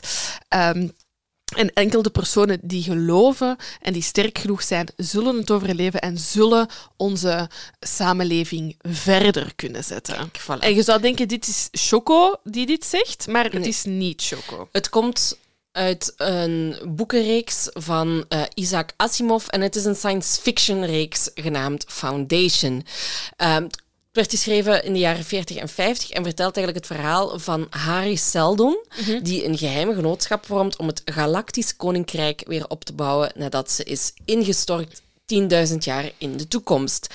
En in Foundation verzamelt Harry Seldon, dus de held van het verhaal, eigenlijk allerlei wetenschappers, geschiedkundigen, Slimme mensen. slimme mensen om de knowledge Ja, te proberen te, te bewaren. te bewaren, ja. om dan eh Een later... nieuwe... Eigenlijk zo van, ik pak alle slimme mensen van de wereld en wij gaan samen de nieuwe wereld starten. Ja, En alle mensen die hun papers één dag voor het deadline schrijven, mogen niet mee. nee, voilà. Maar helaas, Harry Selden sterft. De held van het de verhaal. helft ja. van het verhaal. Maar zijn voorspellingen komen wel uit. Het keizerrijk, er ontstaat chaos. Mhm. En om te overleven heeft zijn geheime eh, groepering, de Foundation dan Mhm, genoemd, ehm, zich getransformeerd naar een religie. Ja. Kijk, klinkt toch allemaal wel bekend in de oren, behalve bekend. dat Choco, Choco nog leeft. Ehm, Ja, hij dus- moet toch iets aanpassen, anders Het is het gewoon zijn. anders Ehm, is het plagiaat. En er wordt eigenlijk ehm, gezegd van, kijk, wij willen die Armageddon... eh, dat, dat gaat gebeuren, maar we willen zoveel mogelijk mensen eigenlijk redden van de Armageddon. Mhm. Toch zeker een vierde van de populatie, van de wereldpopulatie. Oh, dat is best nog Toch veel. zeker een vierde. Ja, maar, zo zegt Choco in een van zijn speeches, het reddingsplan is voorlopig vertraagd. Mhm. Dus ehm, de, het aantal mensen dat gered zal kunnen worden, wordt wel steeds kleiner en Ja, kleiner. Ja, ja, ja. Ehm, maar bon, die Foundation-serie was dus een soort van blueprint voor als het gaat over de plannen op lange termijn van de Ja. secte. Ja, zo makkelijk, want er is een hele re- boekenreeks geschreven. Dus je kunt gewoon zeggen, even checken in boek 3 wat daar gebeurt voor Ja, volgend voilà. jaar. Ja. Voilà. Nu, we hadden het ook al gehad over het feit dat er ehm, hè, dus heel veel jonge mensen Mhm. eh, bij de secte terechtkwamen. Maar er zijn ook nog andere mensen uit andere lagen die, die erbij komen. Het gaat bijvoorbeeld over eh, ambtenaren die in de top ehm, kabinetten zitten Mhm. van, van Japan. Het ging, dat waren er veertig, denk ik ongeveer. Over onderwijs, telecommunicatie, justitie, transport. Het enige wat je hem, dat wil ik ook even nog eens zeggen, de choco, wat je hem moet meegeven, is dat hij wel weet hoe hij het moet aanpakken. Hè, hij target de juiste slimme mensen die hem vooruit kunnen helpen. Dan zorgt hij met zijn tentakels dat hij gewoon in elke... Hè, dus en in de overheid, hij heeft eh, mensen bij de politie dat hij Mhm. eh, heeft, mensen bij het leger dat hij heeft. Eh, er wordt zelfs gefluisterd in de hoogste regionen ehm, van de overheid. ja, dat, is, hè. ja, ja, ja Dus- dus- inderdaad. Overal zitten die zijn tentakels. Ja, dan laat je wel gewoon goed omringen. Ja, en wat ook interessant is, is dat er ook dus mensen ehm, bij de secte kwamen die hun job niet opgaven, maar wel nog in hun functie bleven. Ah, dat, is, dat, dat zijn die dat hem nodig heeft, Ah, wel, zal wel zijn. Zoals bij Toshiba, Ja. IBM. Al die soort bedrijven die Alle heel grote, erg met, ja. met, met technologie ook bezig zijn. Dus Mhm. uiteraard is het superhandig voor hem om daar eh, die tentakels te hebben, zodat hij die... Ik vraag me af of mensen nu... Ik zie het zo, ja. Ja, ik, ik zie ook, het zo. Met zijn tentakels. Ehm, d- om daar info uit te krijgen van... Om, van Ja, vinger bij de pols houden. ja, en hè? zien van welke technologieën waar, worden daar ontwikkeld. Welke geheimen kan ik stelen vanuit. Hè? Dus er werd op, ook, op een gegeven moment ging hij ook luisterapparatuur kopen en inzetten en meegeven aan de, de mensen die daar werkten. En Ja. een hele manual ook meegeven Ja. van, kijk, zo doen we dit. Ja, Ehm, dan zaten er ook uit het leger inderdaad ook nog mensen. Er waren 40 actieve soldaten die Mhm. bij de secte, 40. En dan ook nog eens ehm 60 veteranen, die dus ook helemaal wisten hoe dat het leger eh, in elkaar stak. ja. En dan natuurlijk ook de, ook de politie. Maar Choco kwam er ook al achter van, oké, maar met kennis kom ik er niet alleen. Ik moet ook wapens hebben om, tegen die, om met die Armageddon te bestrijden, om, daar, om dat te kunnen overleven. Tuurlijk, ja. Hij heeft, de brains heeft hij door al zijn studenten uit fysica-opleidingen te gaan halen. Dan heeft hij zijn massive tentakels overal verspreid. En nu heeft hij zoiets van, oké, maar we moeten beginnen vechten, want ik bedoel, de apocalypse is near. Ehm, en ja, daar heeft hij... Wacht, hè, wat heb ik hier? Ik heb eerst nog wat experimentjes dat worden uitgevoerd. Ja, doe maar. Ik heb gewoon dat ze vanaf 1993 eh, program, allee, programma's op poten zetten om, Wapens te maken. om wapens te Ja. maken. Ehm, ik heb daar gewoon nog een, een, zij, een, een zijtentakeltje. van. Ehm, eh, iets, omdat je dat er... Weet je, de aanleiding is eigenlijk die badmuts van daar straks waarover Mhm. mm. sprak. Ze waren heel veel bezig, inderdaad, ook met het brein en wat je daarmee kon bereiken. En vooral de combinatie van technologie en de hersenen eh, van mensen. hè. Mhm. Ze baseren zich op een science fiction eh, boek, eh, maar wij zijn natuurlijk mensen van vlees en bloed. Scientology vibes ook wel. Oh, zeker, zeker. En er is nog een grote rozenolifant die dat we subiet moeten aanduiden in de room. even de medische experimenten. Ehm, dit zijn getuigenissen die eh, achteraf als de, eh, het, het, eh, het metro-gebeuren gepasseerd is, naar, naar boven zijn gekomen. Over medische experimenten ehm, binnen de secte, eh, waarbij dat er eh, elektroden werden aangebracht in de hersenen. In de hersens. Ja, ja dus er, werden, er, er, is, er is een getuigenis van iemand die zei... Ik, ehm, ik was geselecteerd om een experiment te doen. Ik moest een drankje drinken. Uh, I was knock-out. En ik werd wakker met uh, hoofdpijn. Uh, en ik had precies vier grote pukkels. ontsteking, allez, zweertjes op mijn hoofd. Mm. Ja. Um, waar hij dan is achtergekomen dat dat geen zweertjes waren, maar dat dat openingen zijn geweest waar dat elektronen aan verbonden waren.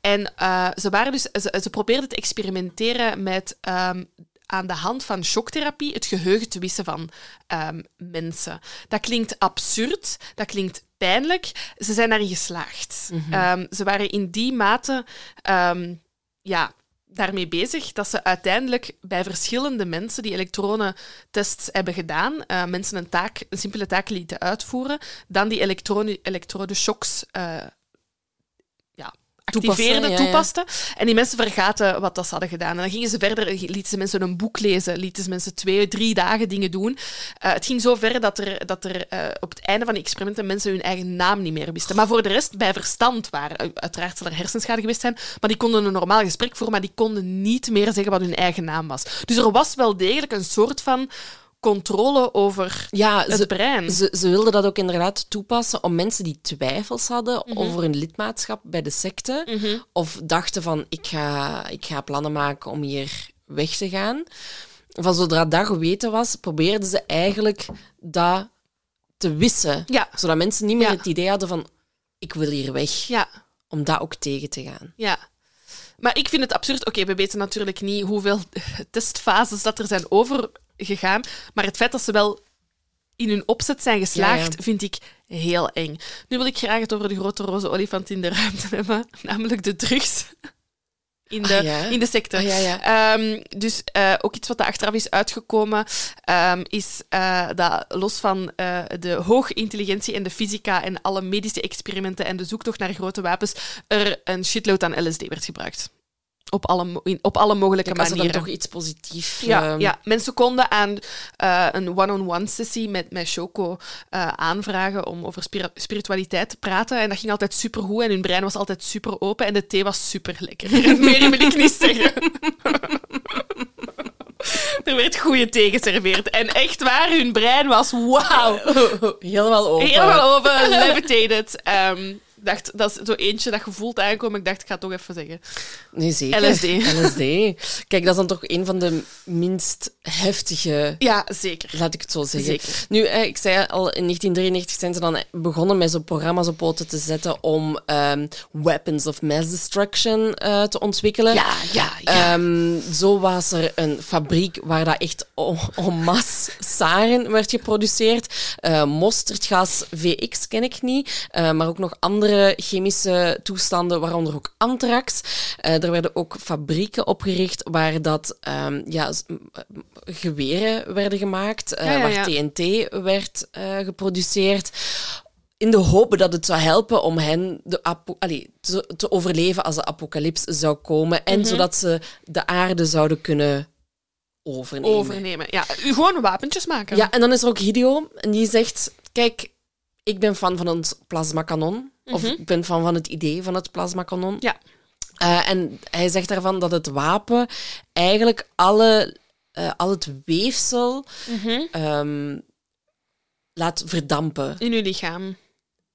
Ja, waardoor dat Maar je eigenlijk als het ware verdampt. En je Ja. schiet met die plasmastraal en poef, gezet weg. Ja. En hij is ervan overtuigd dat de Amerikanen dat al hebben gebruikt tijdens de uh, oorlog in Irak. Ja. Um, en want zij zeggen van ja, er zijn, um, er zijn maar zoveel soldaten Ja, er zijn gestorven. maar 8000 en er zouden er Tien- 100.000. 100.000, inderdaad. Um, dan is er ook nog... um, ja, want- Sorry, imagine, Ja, dat er imagine. een wapen bestaat waar...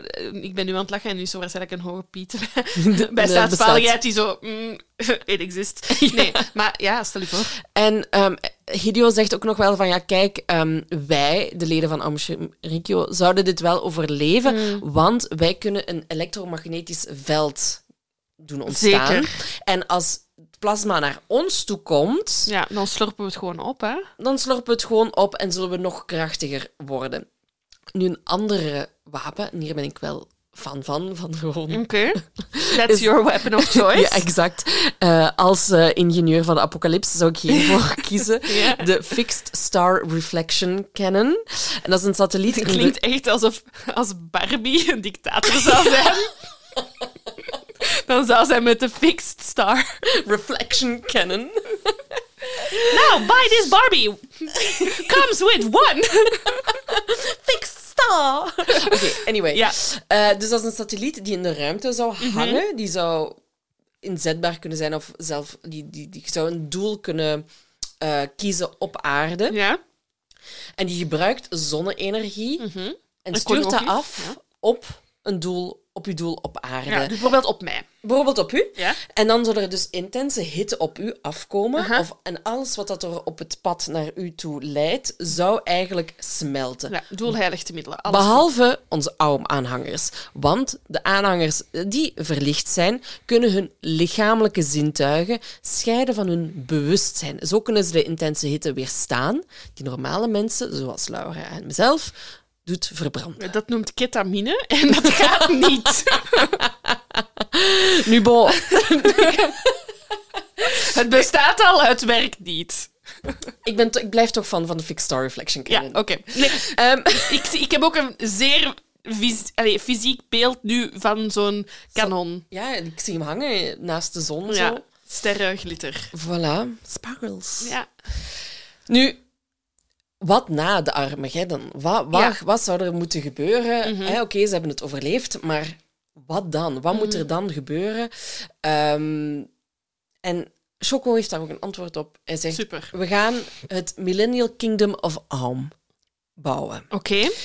Maar hoe ziet dat eruit? Wat, is, dat, is dat een democratie? Ja, nee, uiteraard niet. Zulke domme vraag. Tuurlijk is dat geen democratie. Ik heb hier wel opgeschreven wat het wel is. Zeg het eens. Leg het maar eens uit met uw postdoctoraat. Met mijn postdoctoraat. Ondertussen heb je het al. Ah, behaald. Ik heb goed uitgelegd hoe het werkt. Dus wij zijn zeker niet bij een democratie. Ons Millennial Kingdom ehm, is een supreme state. Dus een, een supreme... Allez, een staat met één leider, eh, zeg maar. Eh, ja, jullie mogen allemaal één keer raden wie dat de leider zou kunnen zijn. Raad dan. Ja, Choco. Ja, dat klopt. En hij wil vanaf nu worden aangesproken als Holy, Holy Monk Emperor. Er zouden 24 ministeries zijn. Daar zitten allemaal leden in die het wel hebben overleefd. Ja, maar het- zijn toch wel cynische benoemingen, vind ik. Want ja, Ja? maar ja, ja en voor, voor hen is clever. Want Hideo bijvoorbeeld, hè, die, ehm, die daar in Nepal was getrouwd en Ja. die in Hawaii, die wordt eigenlijk Minister of Science and Technology, wat dat ik goed vind. Vind want- ik een prima vind post. ik prima. Ja. Maar ook ehm, ja, degene die dus instaat voor ook de Weapons of Mass Destruction, ja, dus de wordt wapenleveraar. Ja. wordt minister van constructie. Dus hij gaat dingen kapot maken, Ja. maar wordt wel minister van constructie. Ik weet het, maar hij heeft En wel ook die dan- wapens gebouwd. En dan ook degene die vooral bezig is met het bouwen van bacteriële wapens, Mhm. wordt dan weer de minister van Gezondheid en Welzijn. Dus het spreekt elkaar... In hun wereld klopt dat, maar in onze wereld Maar als je weet hoe het niet moet, dan weet je misschien ook... Kijk, als jij achter Choco wilt staan en zijn keuzes... Holy Monk Emperor. Holy Monk Emperor, excuseer. Ehm, nu... Ja, ehm, nee, oké, even ik snap je punt nu wel. Ja, snap Ja, het? nu snap ik het wel. Oké, thank you. Ehm, er wordt ook trouwens een, eh, een, een, een, een constitution, een, Ja. Een wetgeving, allee, of een... een, een, een, een, allee, een grondwet. Oh my god. Een grondwet eh, opgesteld waarin dat eigenlijk ja, alles eh, in bevat staat. Ik vind dat wel ongelooflijk. Dus je hebt een soort van mega-apocalypse die er aankomt. Ehm, je hebt daar wapens voor gemaakt. eh, je bent je daar tegen aan het beveiligen.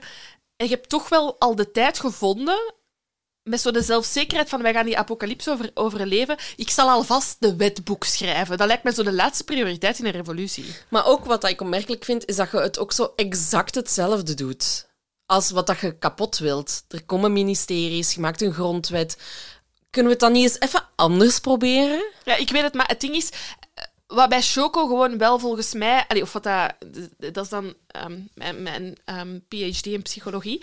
ehm, dat nu spreekt, hè, dus even fysica aan de kant. Hij is zo vaak afgewezen. Op, snap je? Als hij kon aan, op school kon hij niet de schoolleider worden. Hij is niet kunnen gaan studeren. Hij wou prime minister worden. Dat is niet gelukt op de legale manier. Dus hij wil dat allemaal wel. Hij wil gewoon wel een minister zijn. Ja. Maar hij kan het niet legaal, dus eh, dan gebruikt hij gewoon de apocalypse als excuus. Ja, jij voelt het niet. Oké, oké, oké. Kijk, bad kop, good kop. I know, oké. Nu, dat is eigenlijk de context waarin dat we teruggaan naar 20 maart 1995. Ja, ik heb Of- nog ja, ja. één onderbreking, want ehm, ze zijn zich aan het voorbereiden op die Armageddon en 1997 komt dichterbij en, en, de- dus allee, hè, je hebt maar x aantal jaren meer om, om voor te bereiden. Eh, en dan op het moment wanneer niemand het verwacht, komt de Armageddon op 17 januari 1995 onder de vorm van een aardbeving op Japan. Het is een super heftige. Het is de, eh, gekend, allee, of, eh, het noemt de Kobe aar- Kobe-aardbeving. Dat is een ehm, stuk in centraal Japan. Ehm, meer dan vijf- 5500 mensen die eh, zonder huis vallen. Het is de grootste ramp sinds Wereldoorlog 2 voor Japan. Eh, dus ja, echt een, een, wereldgebeurtenis, een aardse natuurfenomeen. Ehm, maar Choco ziet dat zo niet. Hij heeft zoiets van: eh, kijk, dit is, dit is de Armageddon. It's happening. Dit is een eerste teken. De- Deze schok is een eerste teken. En dit heeft niks met de natuur te maken. Ehm, want dit is een aardbeving die door eh, elektromagnetische kracht in gang is geduwd onder de grond. Ehm, hij denkt de Verenigde Staten. Kan ook Rusland zijn. Sovjet-Unie is mogelijk, maar het kan ook de Verenigde Staten zijn. Ehm, nu klinkt het als een absurd idee, maar blijkbaar waren er op dat moment heel veel ehm, andere wereldnaties, waaronder ook de Verenigde Staten, die wel geloofden ehm, in een wapen als een aardbeving zelf op gang trekken Mm. door kracht van elektroden. Dus het is... Het was, PhD heeft... eh, ja, Goed voilà. werk geleverd. Voilà. Dus we zijn, eh, bl- blijkbaar is het niet zo absurd ehm, dat er een soort van seismisch wapen zou kunnen gebruikt worden ehm, om aardbevingen in gang te zetten. Zo wordt er zelfs gedacht dat de aardbeving in Beijing van 1977 effectief Mm. mensgestuurd was. Maar we zitten daar volop in Koude Oorlog en, en dus ik weet niet in hoeverre dat het waar is, maar het, dat is het enige de, een van de enige uitspraken waar dat de andere wereldleiders zoiets van hebben van oh my god, nu noem ik Choco wereldleiding. dat is niet mijn, bedoeling, maar waarvan ze zoiets hebben van, is niet zo raar. Maar we zijn dus 17 maart 1995 en we zijn op weg naar die 20 maart. Ehm, en aan alles voelt Choco, het is nu of nooit. Er zijn tekenen aan de wand. Ik bedoel, de aarde begint te trillen o- in opdracht van de Verenigde Staten. Let's go. ja, En dan komen we bij 20 maart. En dan komen we bij 20 maart 1995. Nu, ehm, de feiten zijn gebeurd. De aanslag is gebeurd. En ehm, alles begint zo te wijzen richting Choco en zijn secte. En ehm, een paar dagen later voeren meer dan 2500 politieagenten tegelijkertijd invallen uit bij een 25-tal vestigingen van de secte van eh Aum Shinrikyo. Want die zaten overal. Die zaten in Tokio. Ik denk dat we dat nog niet hebben nee, benoemd. nee, maar er- inderdaad, waar dat die zaten, hè. Zeg maar. ja, nee, één waar dat ze zaten, dus eh, merendeel in Japan, maar er zijn inderdaad ook ehm, Aftakkingen. aftakkingen in Korea, in Rusland. ehm, ik- in Europa weet ik het nu zelf niet, maar bo, het is best verspreid. En ik denk... ah, ik, heb je opgeschreven hoeveel leden er op hun hoogtepunt waren? 10.000. Ja, voilà. 10.000.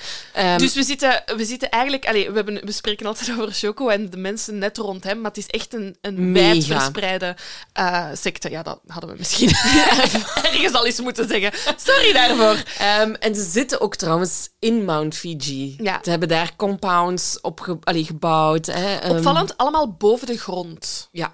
Je zou zo denken, je bent bezig met een apocalyps. Mount Fiji is ook zo de bekende berg Ja. van waar ze met de golf... Volgens mij is dat Mount Fiji. Weet Ja, ja, dat is, die, Ja. dat is die grote... Dat is het Ja. beeld van Japan. Met zo'n kersenbloesem en dan een berg Mount. Fiji. Ja, maar ik zou gewoon... Als ik voor een apocalypse aan het voorbereiden ben... Je gaat In Onder de grond, ja. Onder de grond, hè. in de berg. Ja. Bon, zij niet. Zij, Maar ja, ze hebben die massawapens. en zij zijn protected met hun elektromagnetische velden ook en zo, die dus komt goed. ja, komt goed. Bon, dus die 2500 politieagenten verspreiden zich over heel Japan, eh, waar dat ze allemaal zitten. Eh, ze droegen gasmaskers, ze hadden ook Canaries bij zich. Zeer slim. Omdat die dus eigenlijk kunnen waarschuwen voor de aanwezigheid van gifgas. Ehm, even kijken. Ehm, ze vinden o- ja, op verschillende plekken flessen met een chemi- chemische stof die overeenkomsten vertoont met sarin. Ehm, ze troffen in de commune ook een aantal vreemd uitgedoste personen aan. Een vijftigtal secten. Ik weet niet, er stond verder geen omschrijving bij hoe dat ze er Wat dan eh, vreemd was, Wat ja. dan vreemd was.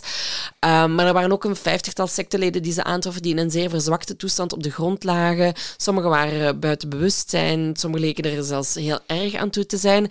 En blijkbaar zouden ze, ja, zou er te weinig voed- voedsel geweest zijn, zouden ze onder voed zijn geweest. Ehm, er wordt ook nog eens 700 miljoen yen gevonden in totaal, 10 kilo goud en verschillende dozen met documenten. En dat wordt allemaal in beslag genomen. En ja, bon, alles wijst er eigenlijk op dat Aum Shinrikyo wel iets te maken heeft met de aanslag. Ja. En ze worden officieel van verdenking gesteld in verband met de gifgasaanslag in de metro Ja. van Tokio. Ik heb nog één ding opge- opgeschreven. Ehm, er wordt een, er wordt een ho- grote hoeveelheid neurotoxie toxin gevonden. Ik vermoed dat dat de Engels term is voor een, een stof.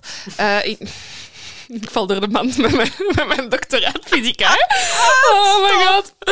Ja, dat en mijn leerkracht fysica van het middelbaar, dat echt, moest die nu aan het luisteren zijn, echt denkt, zal ik even al uw ene op tien hier op tafel gooien? What the fuck. Maar er wordt dus een chemische stof gevonden eh dat aan de basis ligt eh, om saringas te maken.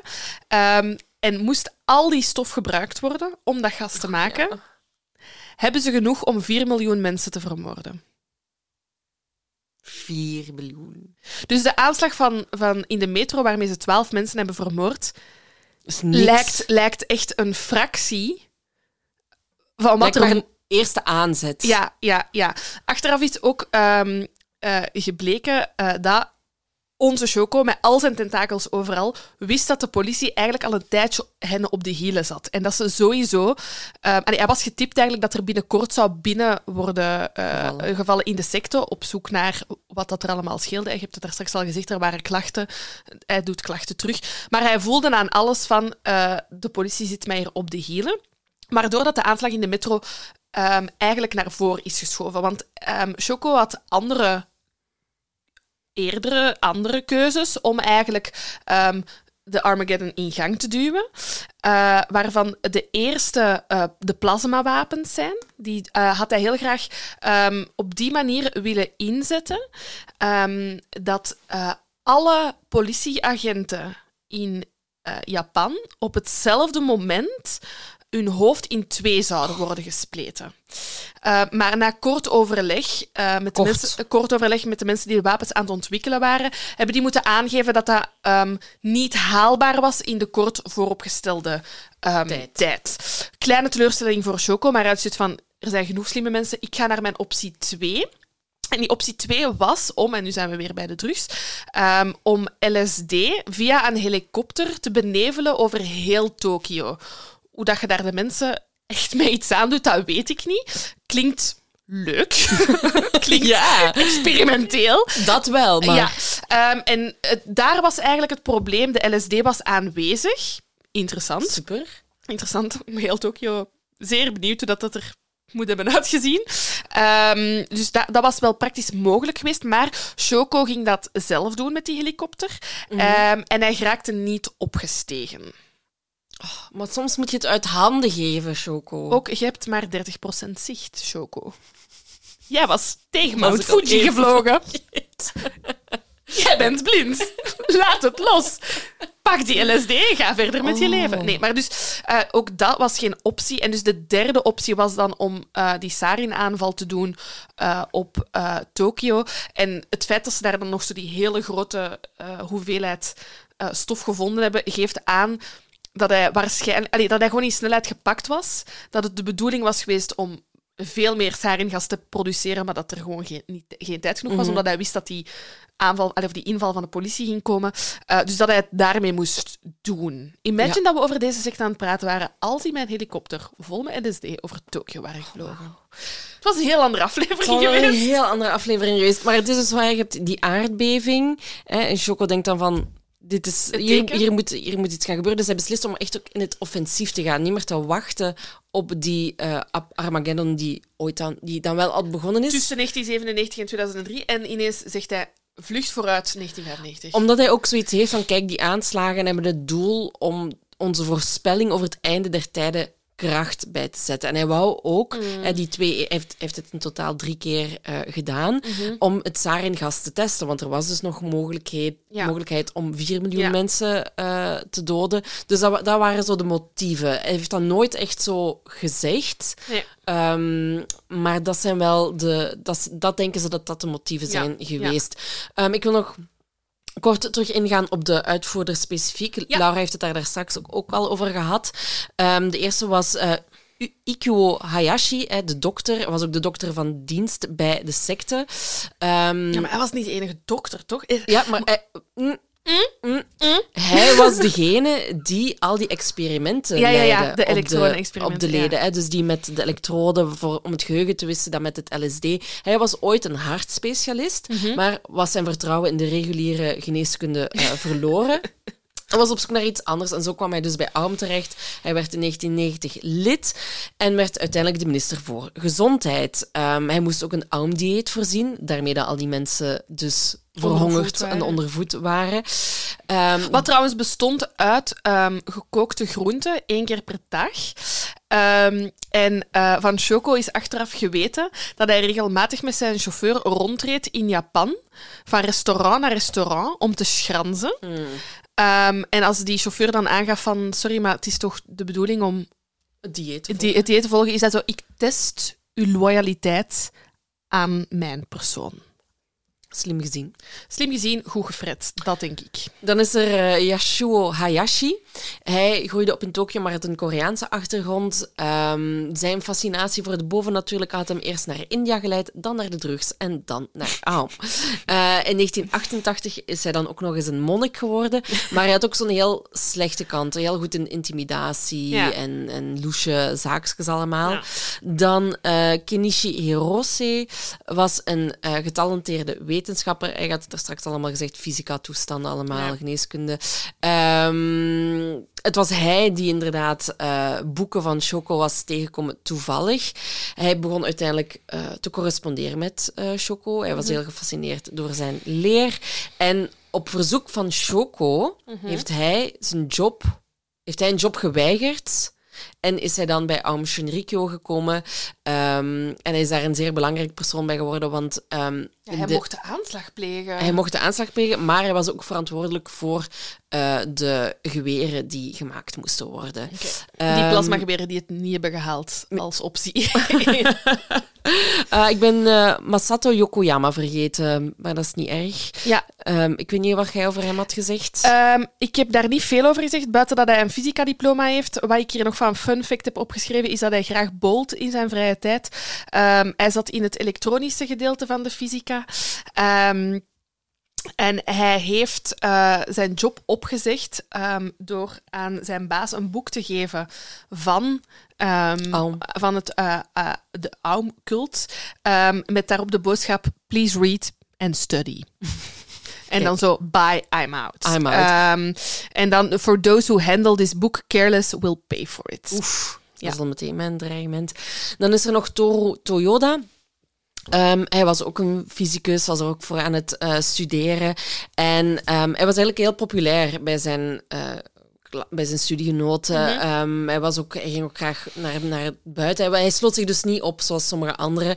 Ehm, en hij was ook heel erg sceptisch in eerste instantie tegenover de, de secte. Hij heeft zelfs eh Choco ehm, ja, nagedaan tijdens een les om, om ermee te lachen eigenlijk. Maar, en er staat er zo in het artikel, the guru had the last laugh.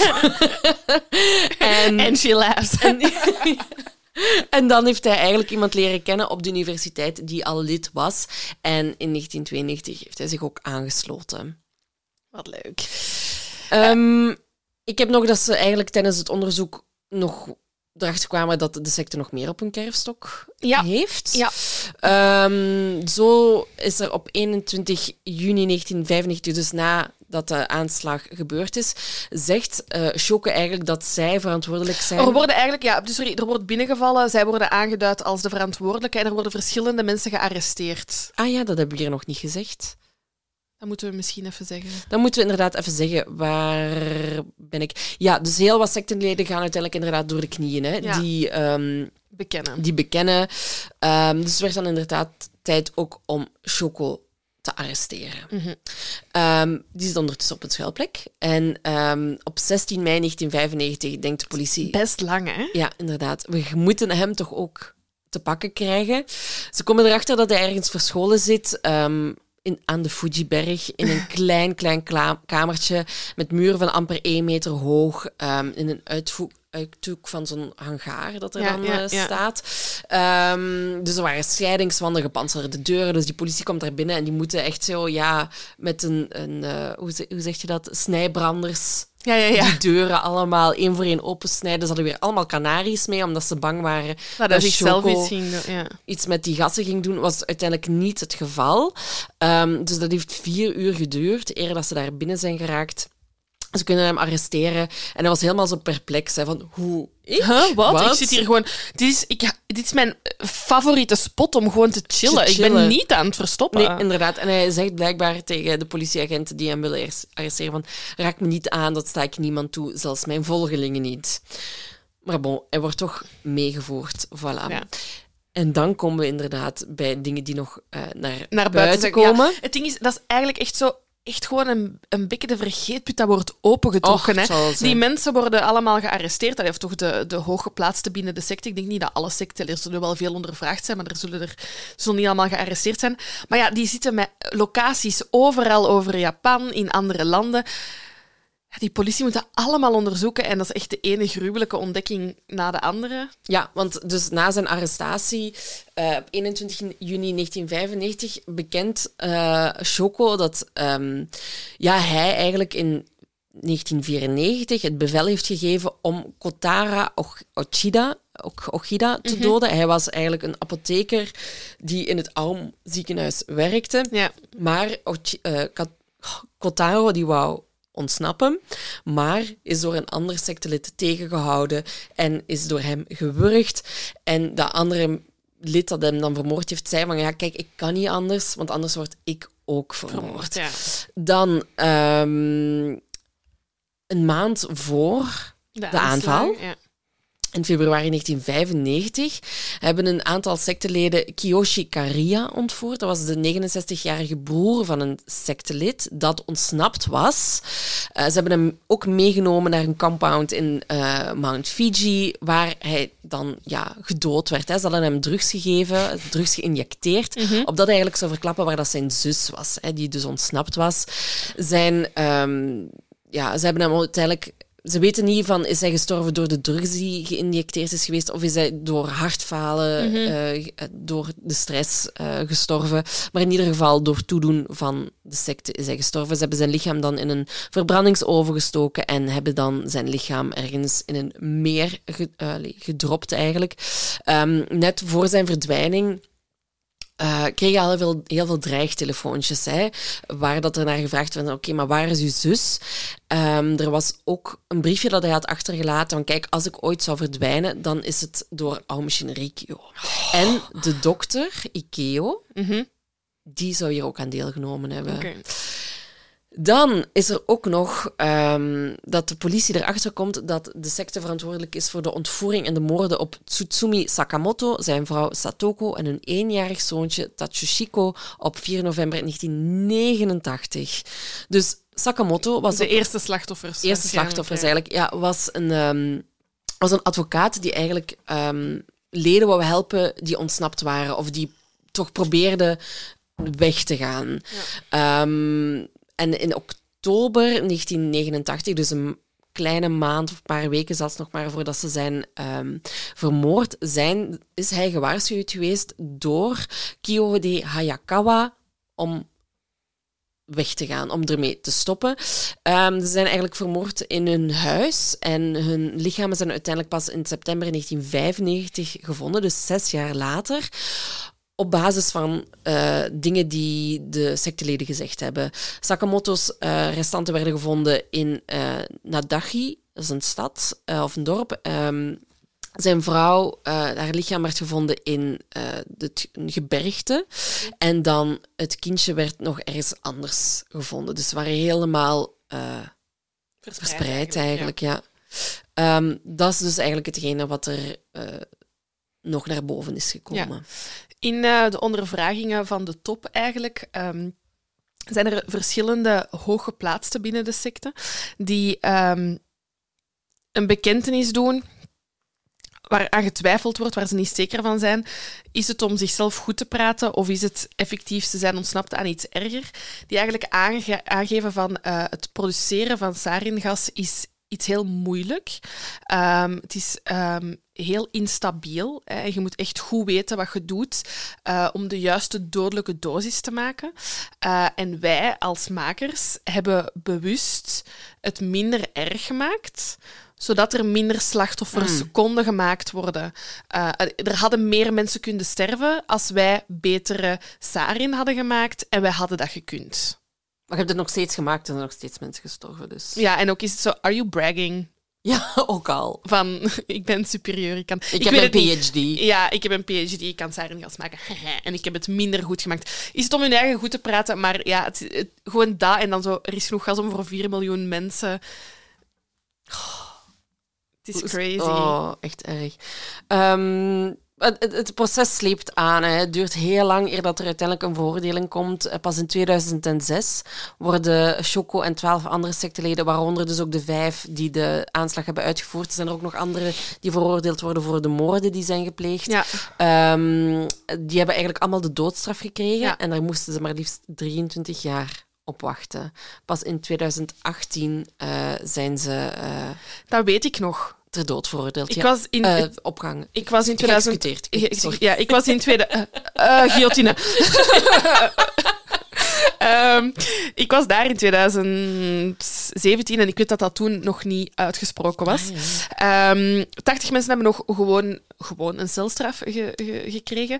Um, wat ik opvallend vond aan de veroordeling en zeker aan de executie, uh, is dat die uh, bekend is gemaakt de dag na de uitvoering. Ja. Omdat ze zoveel schrikken. Dus gewoon, ze hebben gewoon in, aan de media laten weten, ze zijn gisteren. Maar ik denk, als ik het goed heb gelezen, dat dat normaal is in Japan. Als er executies worden uitgevoerd, ah. dat ze dat altijd pas achteraf laten weten. Ah, ik dacht, ik. ik. dacht omdat er veel, omdat er met het proces um, nog secteleden zijn komen opdagen, mm. uh, dat ze schrik hadden dat er, okay, dat er geïnfiltreerd ging worden. Want uh, leuk weet je. Um, Aum Shinriko bestaat vandaag nog altijd. If you want to join, you can join. Um, Aum Shinriko googelen gaat niet helpen, want ze zijn veranderd van naam. Het heet nu Alep. Um, nog altijd in 1990 heeft de Japanse overheid um, gezegd uh, dat de groep nog altijd gaat worden onderzocht en in het oog gaat worden gehouden. Dat ondanks de naamsverandering ja, de insteek misschien ja, mm nog altijd fout is. Um, de leden echter zouden niet echt veel veranderd zijn. Het zouden nog altijd mensen zijn uh, uit de Japanse uh, wetenschapssector, technologiesector, uh, die lid zijn ja, van ze, de secte. Ze aanbieden ook nog steeds Choco. Ja. Maar in plaats van 10.000 leden ze waren er in 2005 nog maar 1650 leden. Dus ze zijn wel gekrimpt. Ja. Um, en um, in 2007. Nee, ja, ik had nog in 2002 ah, over ja. The Guardian, die naar buiten komt, dat um, 80 uh, dat er, wacht, dat er zeker 10 Japanse overheidsinstellingen en 80 grote Japanse bedrijven um, uh, op software rekenen waar dat um, AUM-leden aan hebben meegewerkt. Maar. Ja. Oh, dat is Dus ja, als we spreken hier over software en, en, en mensen met hoge technologische kennis uit een secte, als dat ontwikkeld wordt door die mensen, dat wordt door ja, overheidsbedrijven, instanties en door grote internationale bedrijven gebruikt. Wow. eh, Ik bedoel, eh, vandaag de dag, ik kan mij voorstellen dat die er gewoon zo, ja, gevoelige informatie uit kunnen ontfrutselen of kunnen hacken of kunnen... eh, dus ja, die tentakels dat Choco ooit heeft uitgestuurd, die zijn, Zijn er wel nog altijd. Ja. Heel raar. Daar Ja. ik niet bij stilgestaan. Ja. Ehm, dan in 2007 is er ehm, Fumihiro Jojo. Ah, dat is onze... eh, heb ik die nu niet? Dat is een van die gasten die ik heb benoemd, die daar zei van, dat is incompatibel met mijn eh, job. Ja. Yogo, van, van, van yoga. mijn yoga. Yogo! Ehm, die zou blijkbaar eigenlijk ook de woordvoerder geweest zijn, zie ik hier. Ehm, en stond ook aan het hoofd van de AUMS Moscow Operation. Ehm, die zei in 2007, we gaan splitten. We willen niks meer met Alep of Alep te maken hebben. En hij heeft een nieuwe eh, groep opgericht, of een aftakking, Hikari Noa, The. Circle of Light. Ehm, en nog steeds wel ook zo de... de Circle of Life. Ja, en het was toch bijna, het had zomaar kunnen. En ze willen toch ook nog steeds de new science of the human mind onderzoeken. Dus het blijft wel een beetje hetzelfde, maar buiten, allee, buiten het feit dat zij zich wel echt afsplitsten van Ja. ehm Aum Shinrikyo en, eh en Shoko. Dan heb ik ook nog ehm, over Hideo iets, die eh, met de massavernietigingswapens bezig was. Hij wordt eigenlijk ook beschouwd als een van de leiders hè, van, van, van de secte. Hij was minister van Wetenschap en Technologie en is een maand na de, na de aanslag voor het hoofdkwartier van de secte in Tokio neergestoken. Hij was 36 toen hij overleed in het ziekenhuis aan zijn verwondingen. Ehm, hij is neergestoken toen hij eigenlijk met verslaggevers wilde praten. Het ding is, met alle sectes die we tot nu toe hebben gebracht, is het altijd zo klein. Ja, we, zijn, we zitten rond de 30 of 50 leden of zo. Ehm, ik wil niet gemarginaliseerd zeggen, maar die, ha, die kennis dat hier in deze Ja. secte zit, geeft, dat boezemt mij extreme angst in. ja, want ze zijn wel geslaagd in bepaalde dingen wat dat ze wilden doen. Zeker. En ook gewoon zo, imagine die periode. Dus 20 maart gebeurt die aanslag. Die man wordt dan, onze Choco wordt pas de 16e mei gevat. Ik, ik stap geen metro op zolang die gast maar zit is opgesloten. het opvallende. De metro ging gewoon terug door. Ja. Ze zeggen ook dat het grote succes van deze aanslag het, het, de goede werking van de metro is. Hè. Dus het Japanse metrostelsel vervoert vier keer meer passagiers dan wat was New York City, dus wat dat al een crazy, Crazy. metro is. Ehm, maar die is zo stipt, zo op tijd, dat zij effectief, dat die vijf mensen dat moesten samenkomen op hetzelfde moment, dat die hun klokken daarop gelijk konden zetten, omdat alles toch ging werken. Ze wisten, die gaat daar op tijd zijn, die deuren gaan op tijd opengaan. Ja. Dus door de efficiëntie van die Japanse maatschappij zijn ze ook wel geslaagd. Allee, ze hebben enerzijds al die mensen gerecruiteerd dat, dat een product zijn van hun tijd, van hun maatschappij. Ze rekenen op die stiptheid van, van de Japanse samenleving. Ik vind, ja, ik vind echt... Het is iets heel typisch kenmerkend van daar Ja. of zo. En van de tijdsgeest. Maar het, ik krijg er wel echt... Oh, en als ik dat dan las van The Guardian, dacht ik... Waar zitten die nog allemaal Ja, in? nog steeds. Hè. Die zijn pas in 2018 geëxecuteerd. Die zijn tentakels. Die zijn fucking tentakels. Die zijn fucking tentakels. Zitten nog steeds overal. Ja. Ja, en vooral ook inderdaad dat er vandaag de dag... En dat er altijd dezelfde slimme mensen zijn die, da, die da, daarin meegaan. Dat is crazy. Fascinerend. Ik vond het... eh, Eh, ik wil nog even zeggen, ik heb mij gebaseerd op alle artikels die Silke van den Broek mij bezorgd heeft. en mijn peper. en uw paper. Ehm, maar als deze ehm, secte u interesseert ehm, en je wilt er echt veel over weten, ik heb veel gehad aan de podcast Last Podcast on the Left. Ze hebben er maar liefst vier afleveringen van meer dan een uur per aflevering over gemaakt. Ook zij maken af en toe een mopje. Ehm, om het zo wat te verlichten. Eh, het, is, het is Het wel is een acquired taste, Het- vind ik. ja, ik vond deze wel heel goed. Want ik vind ook niet al hun afleveringen super. Eh, maar hier was het wel heel tof. Ehm, ehm, het is in het Engels wel te doen. Eh, maar bon, dat is wel vier uur lang over deze secte. Dus, Ja, echt insane. eh, Want ik heb inderdaad het gevoel dat we hier nog zoveel meer over kunnen zeggen. ja, sowieso. Het is, ook- het is gewoon ook maar het is gewoon moeilijke materie. Ja, ik kan, dat, ik kan dat niet anders zeggen, maar de helft van de dingen die ik vandaag heb uitgesproken, weet ik Daar niet. kennen wij niks van, hè? Nee. Ondanks ons PhD. On- ondanks al die doctoraten en postdoctoraten in de fysica. Oh my Goed, god, dat was Dat het. was aflevering 100. 100. Op naar 101. Ja, dat gaat wel lukken. Ik dacht dat je nu ging zeggen op naar duizend. Ja, dat gaat ook lukken. Dat eens moeten uitrekenen. Oh my god, dan zijn we twee bomma's. Dan zijn we twee bomma's. Praten we voor onze kleinkinderen. here for en, it. en over uw honderd katten. Ja. I'm here for it. Ja, sowieso. Sowieso. Imagine, ik als, als dan 80-jarige over de... Dan zijn we ondertussen al van low-rise terug naar high-rise, terug naar low-rise, terug naar high... En dan... Ik zit op mijn 80-jarige leeftijd gewoon comfortabel in mijn joggingbroek. Die, die, die- tegen dan hebben ze joggingbroeken die je niet meer moet uitdoen. Ah, ideaal. En die zich ah, gewoon wassen waar Ja. je bij staat. Perfect. Kijk er naar uit. Tot de duizend. Bye! Doei!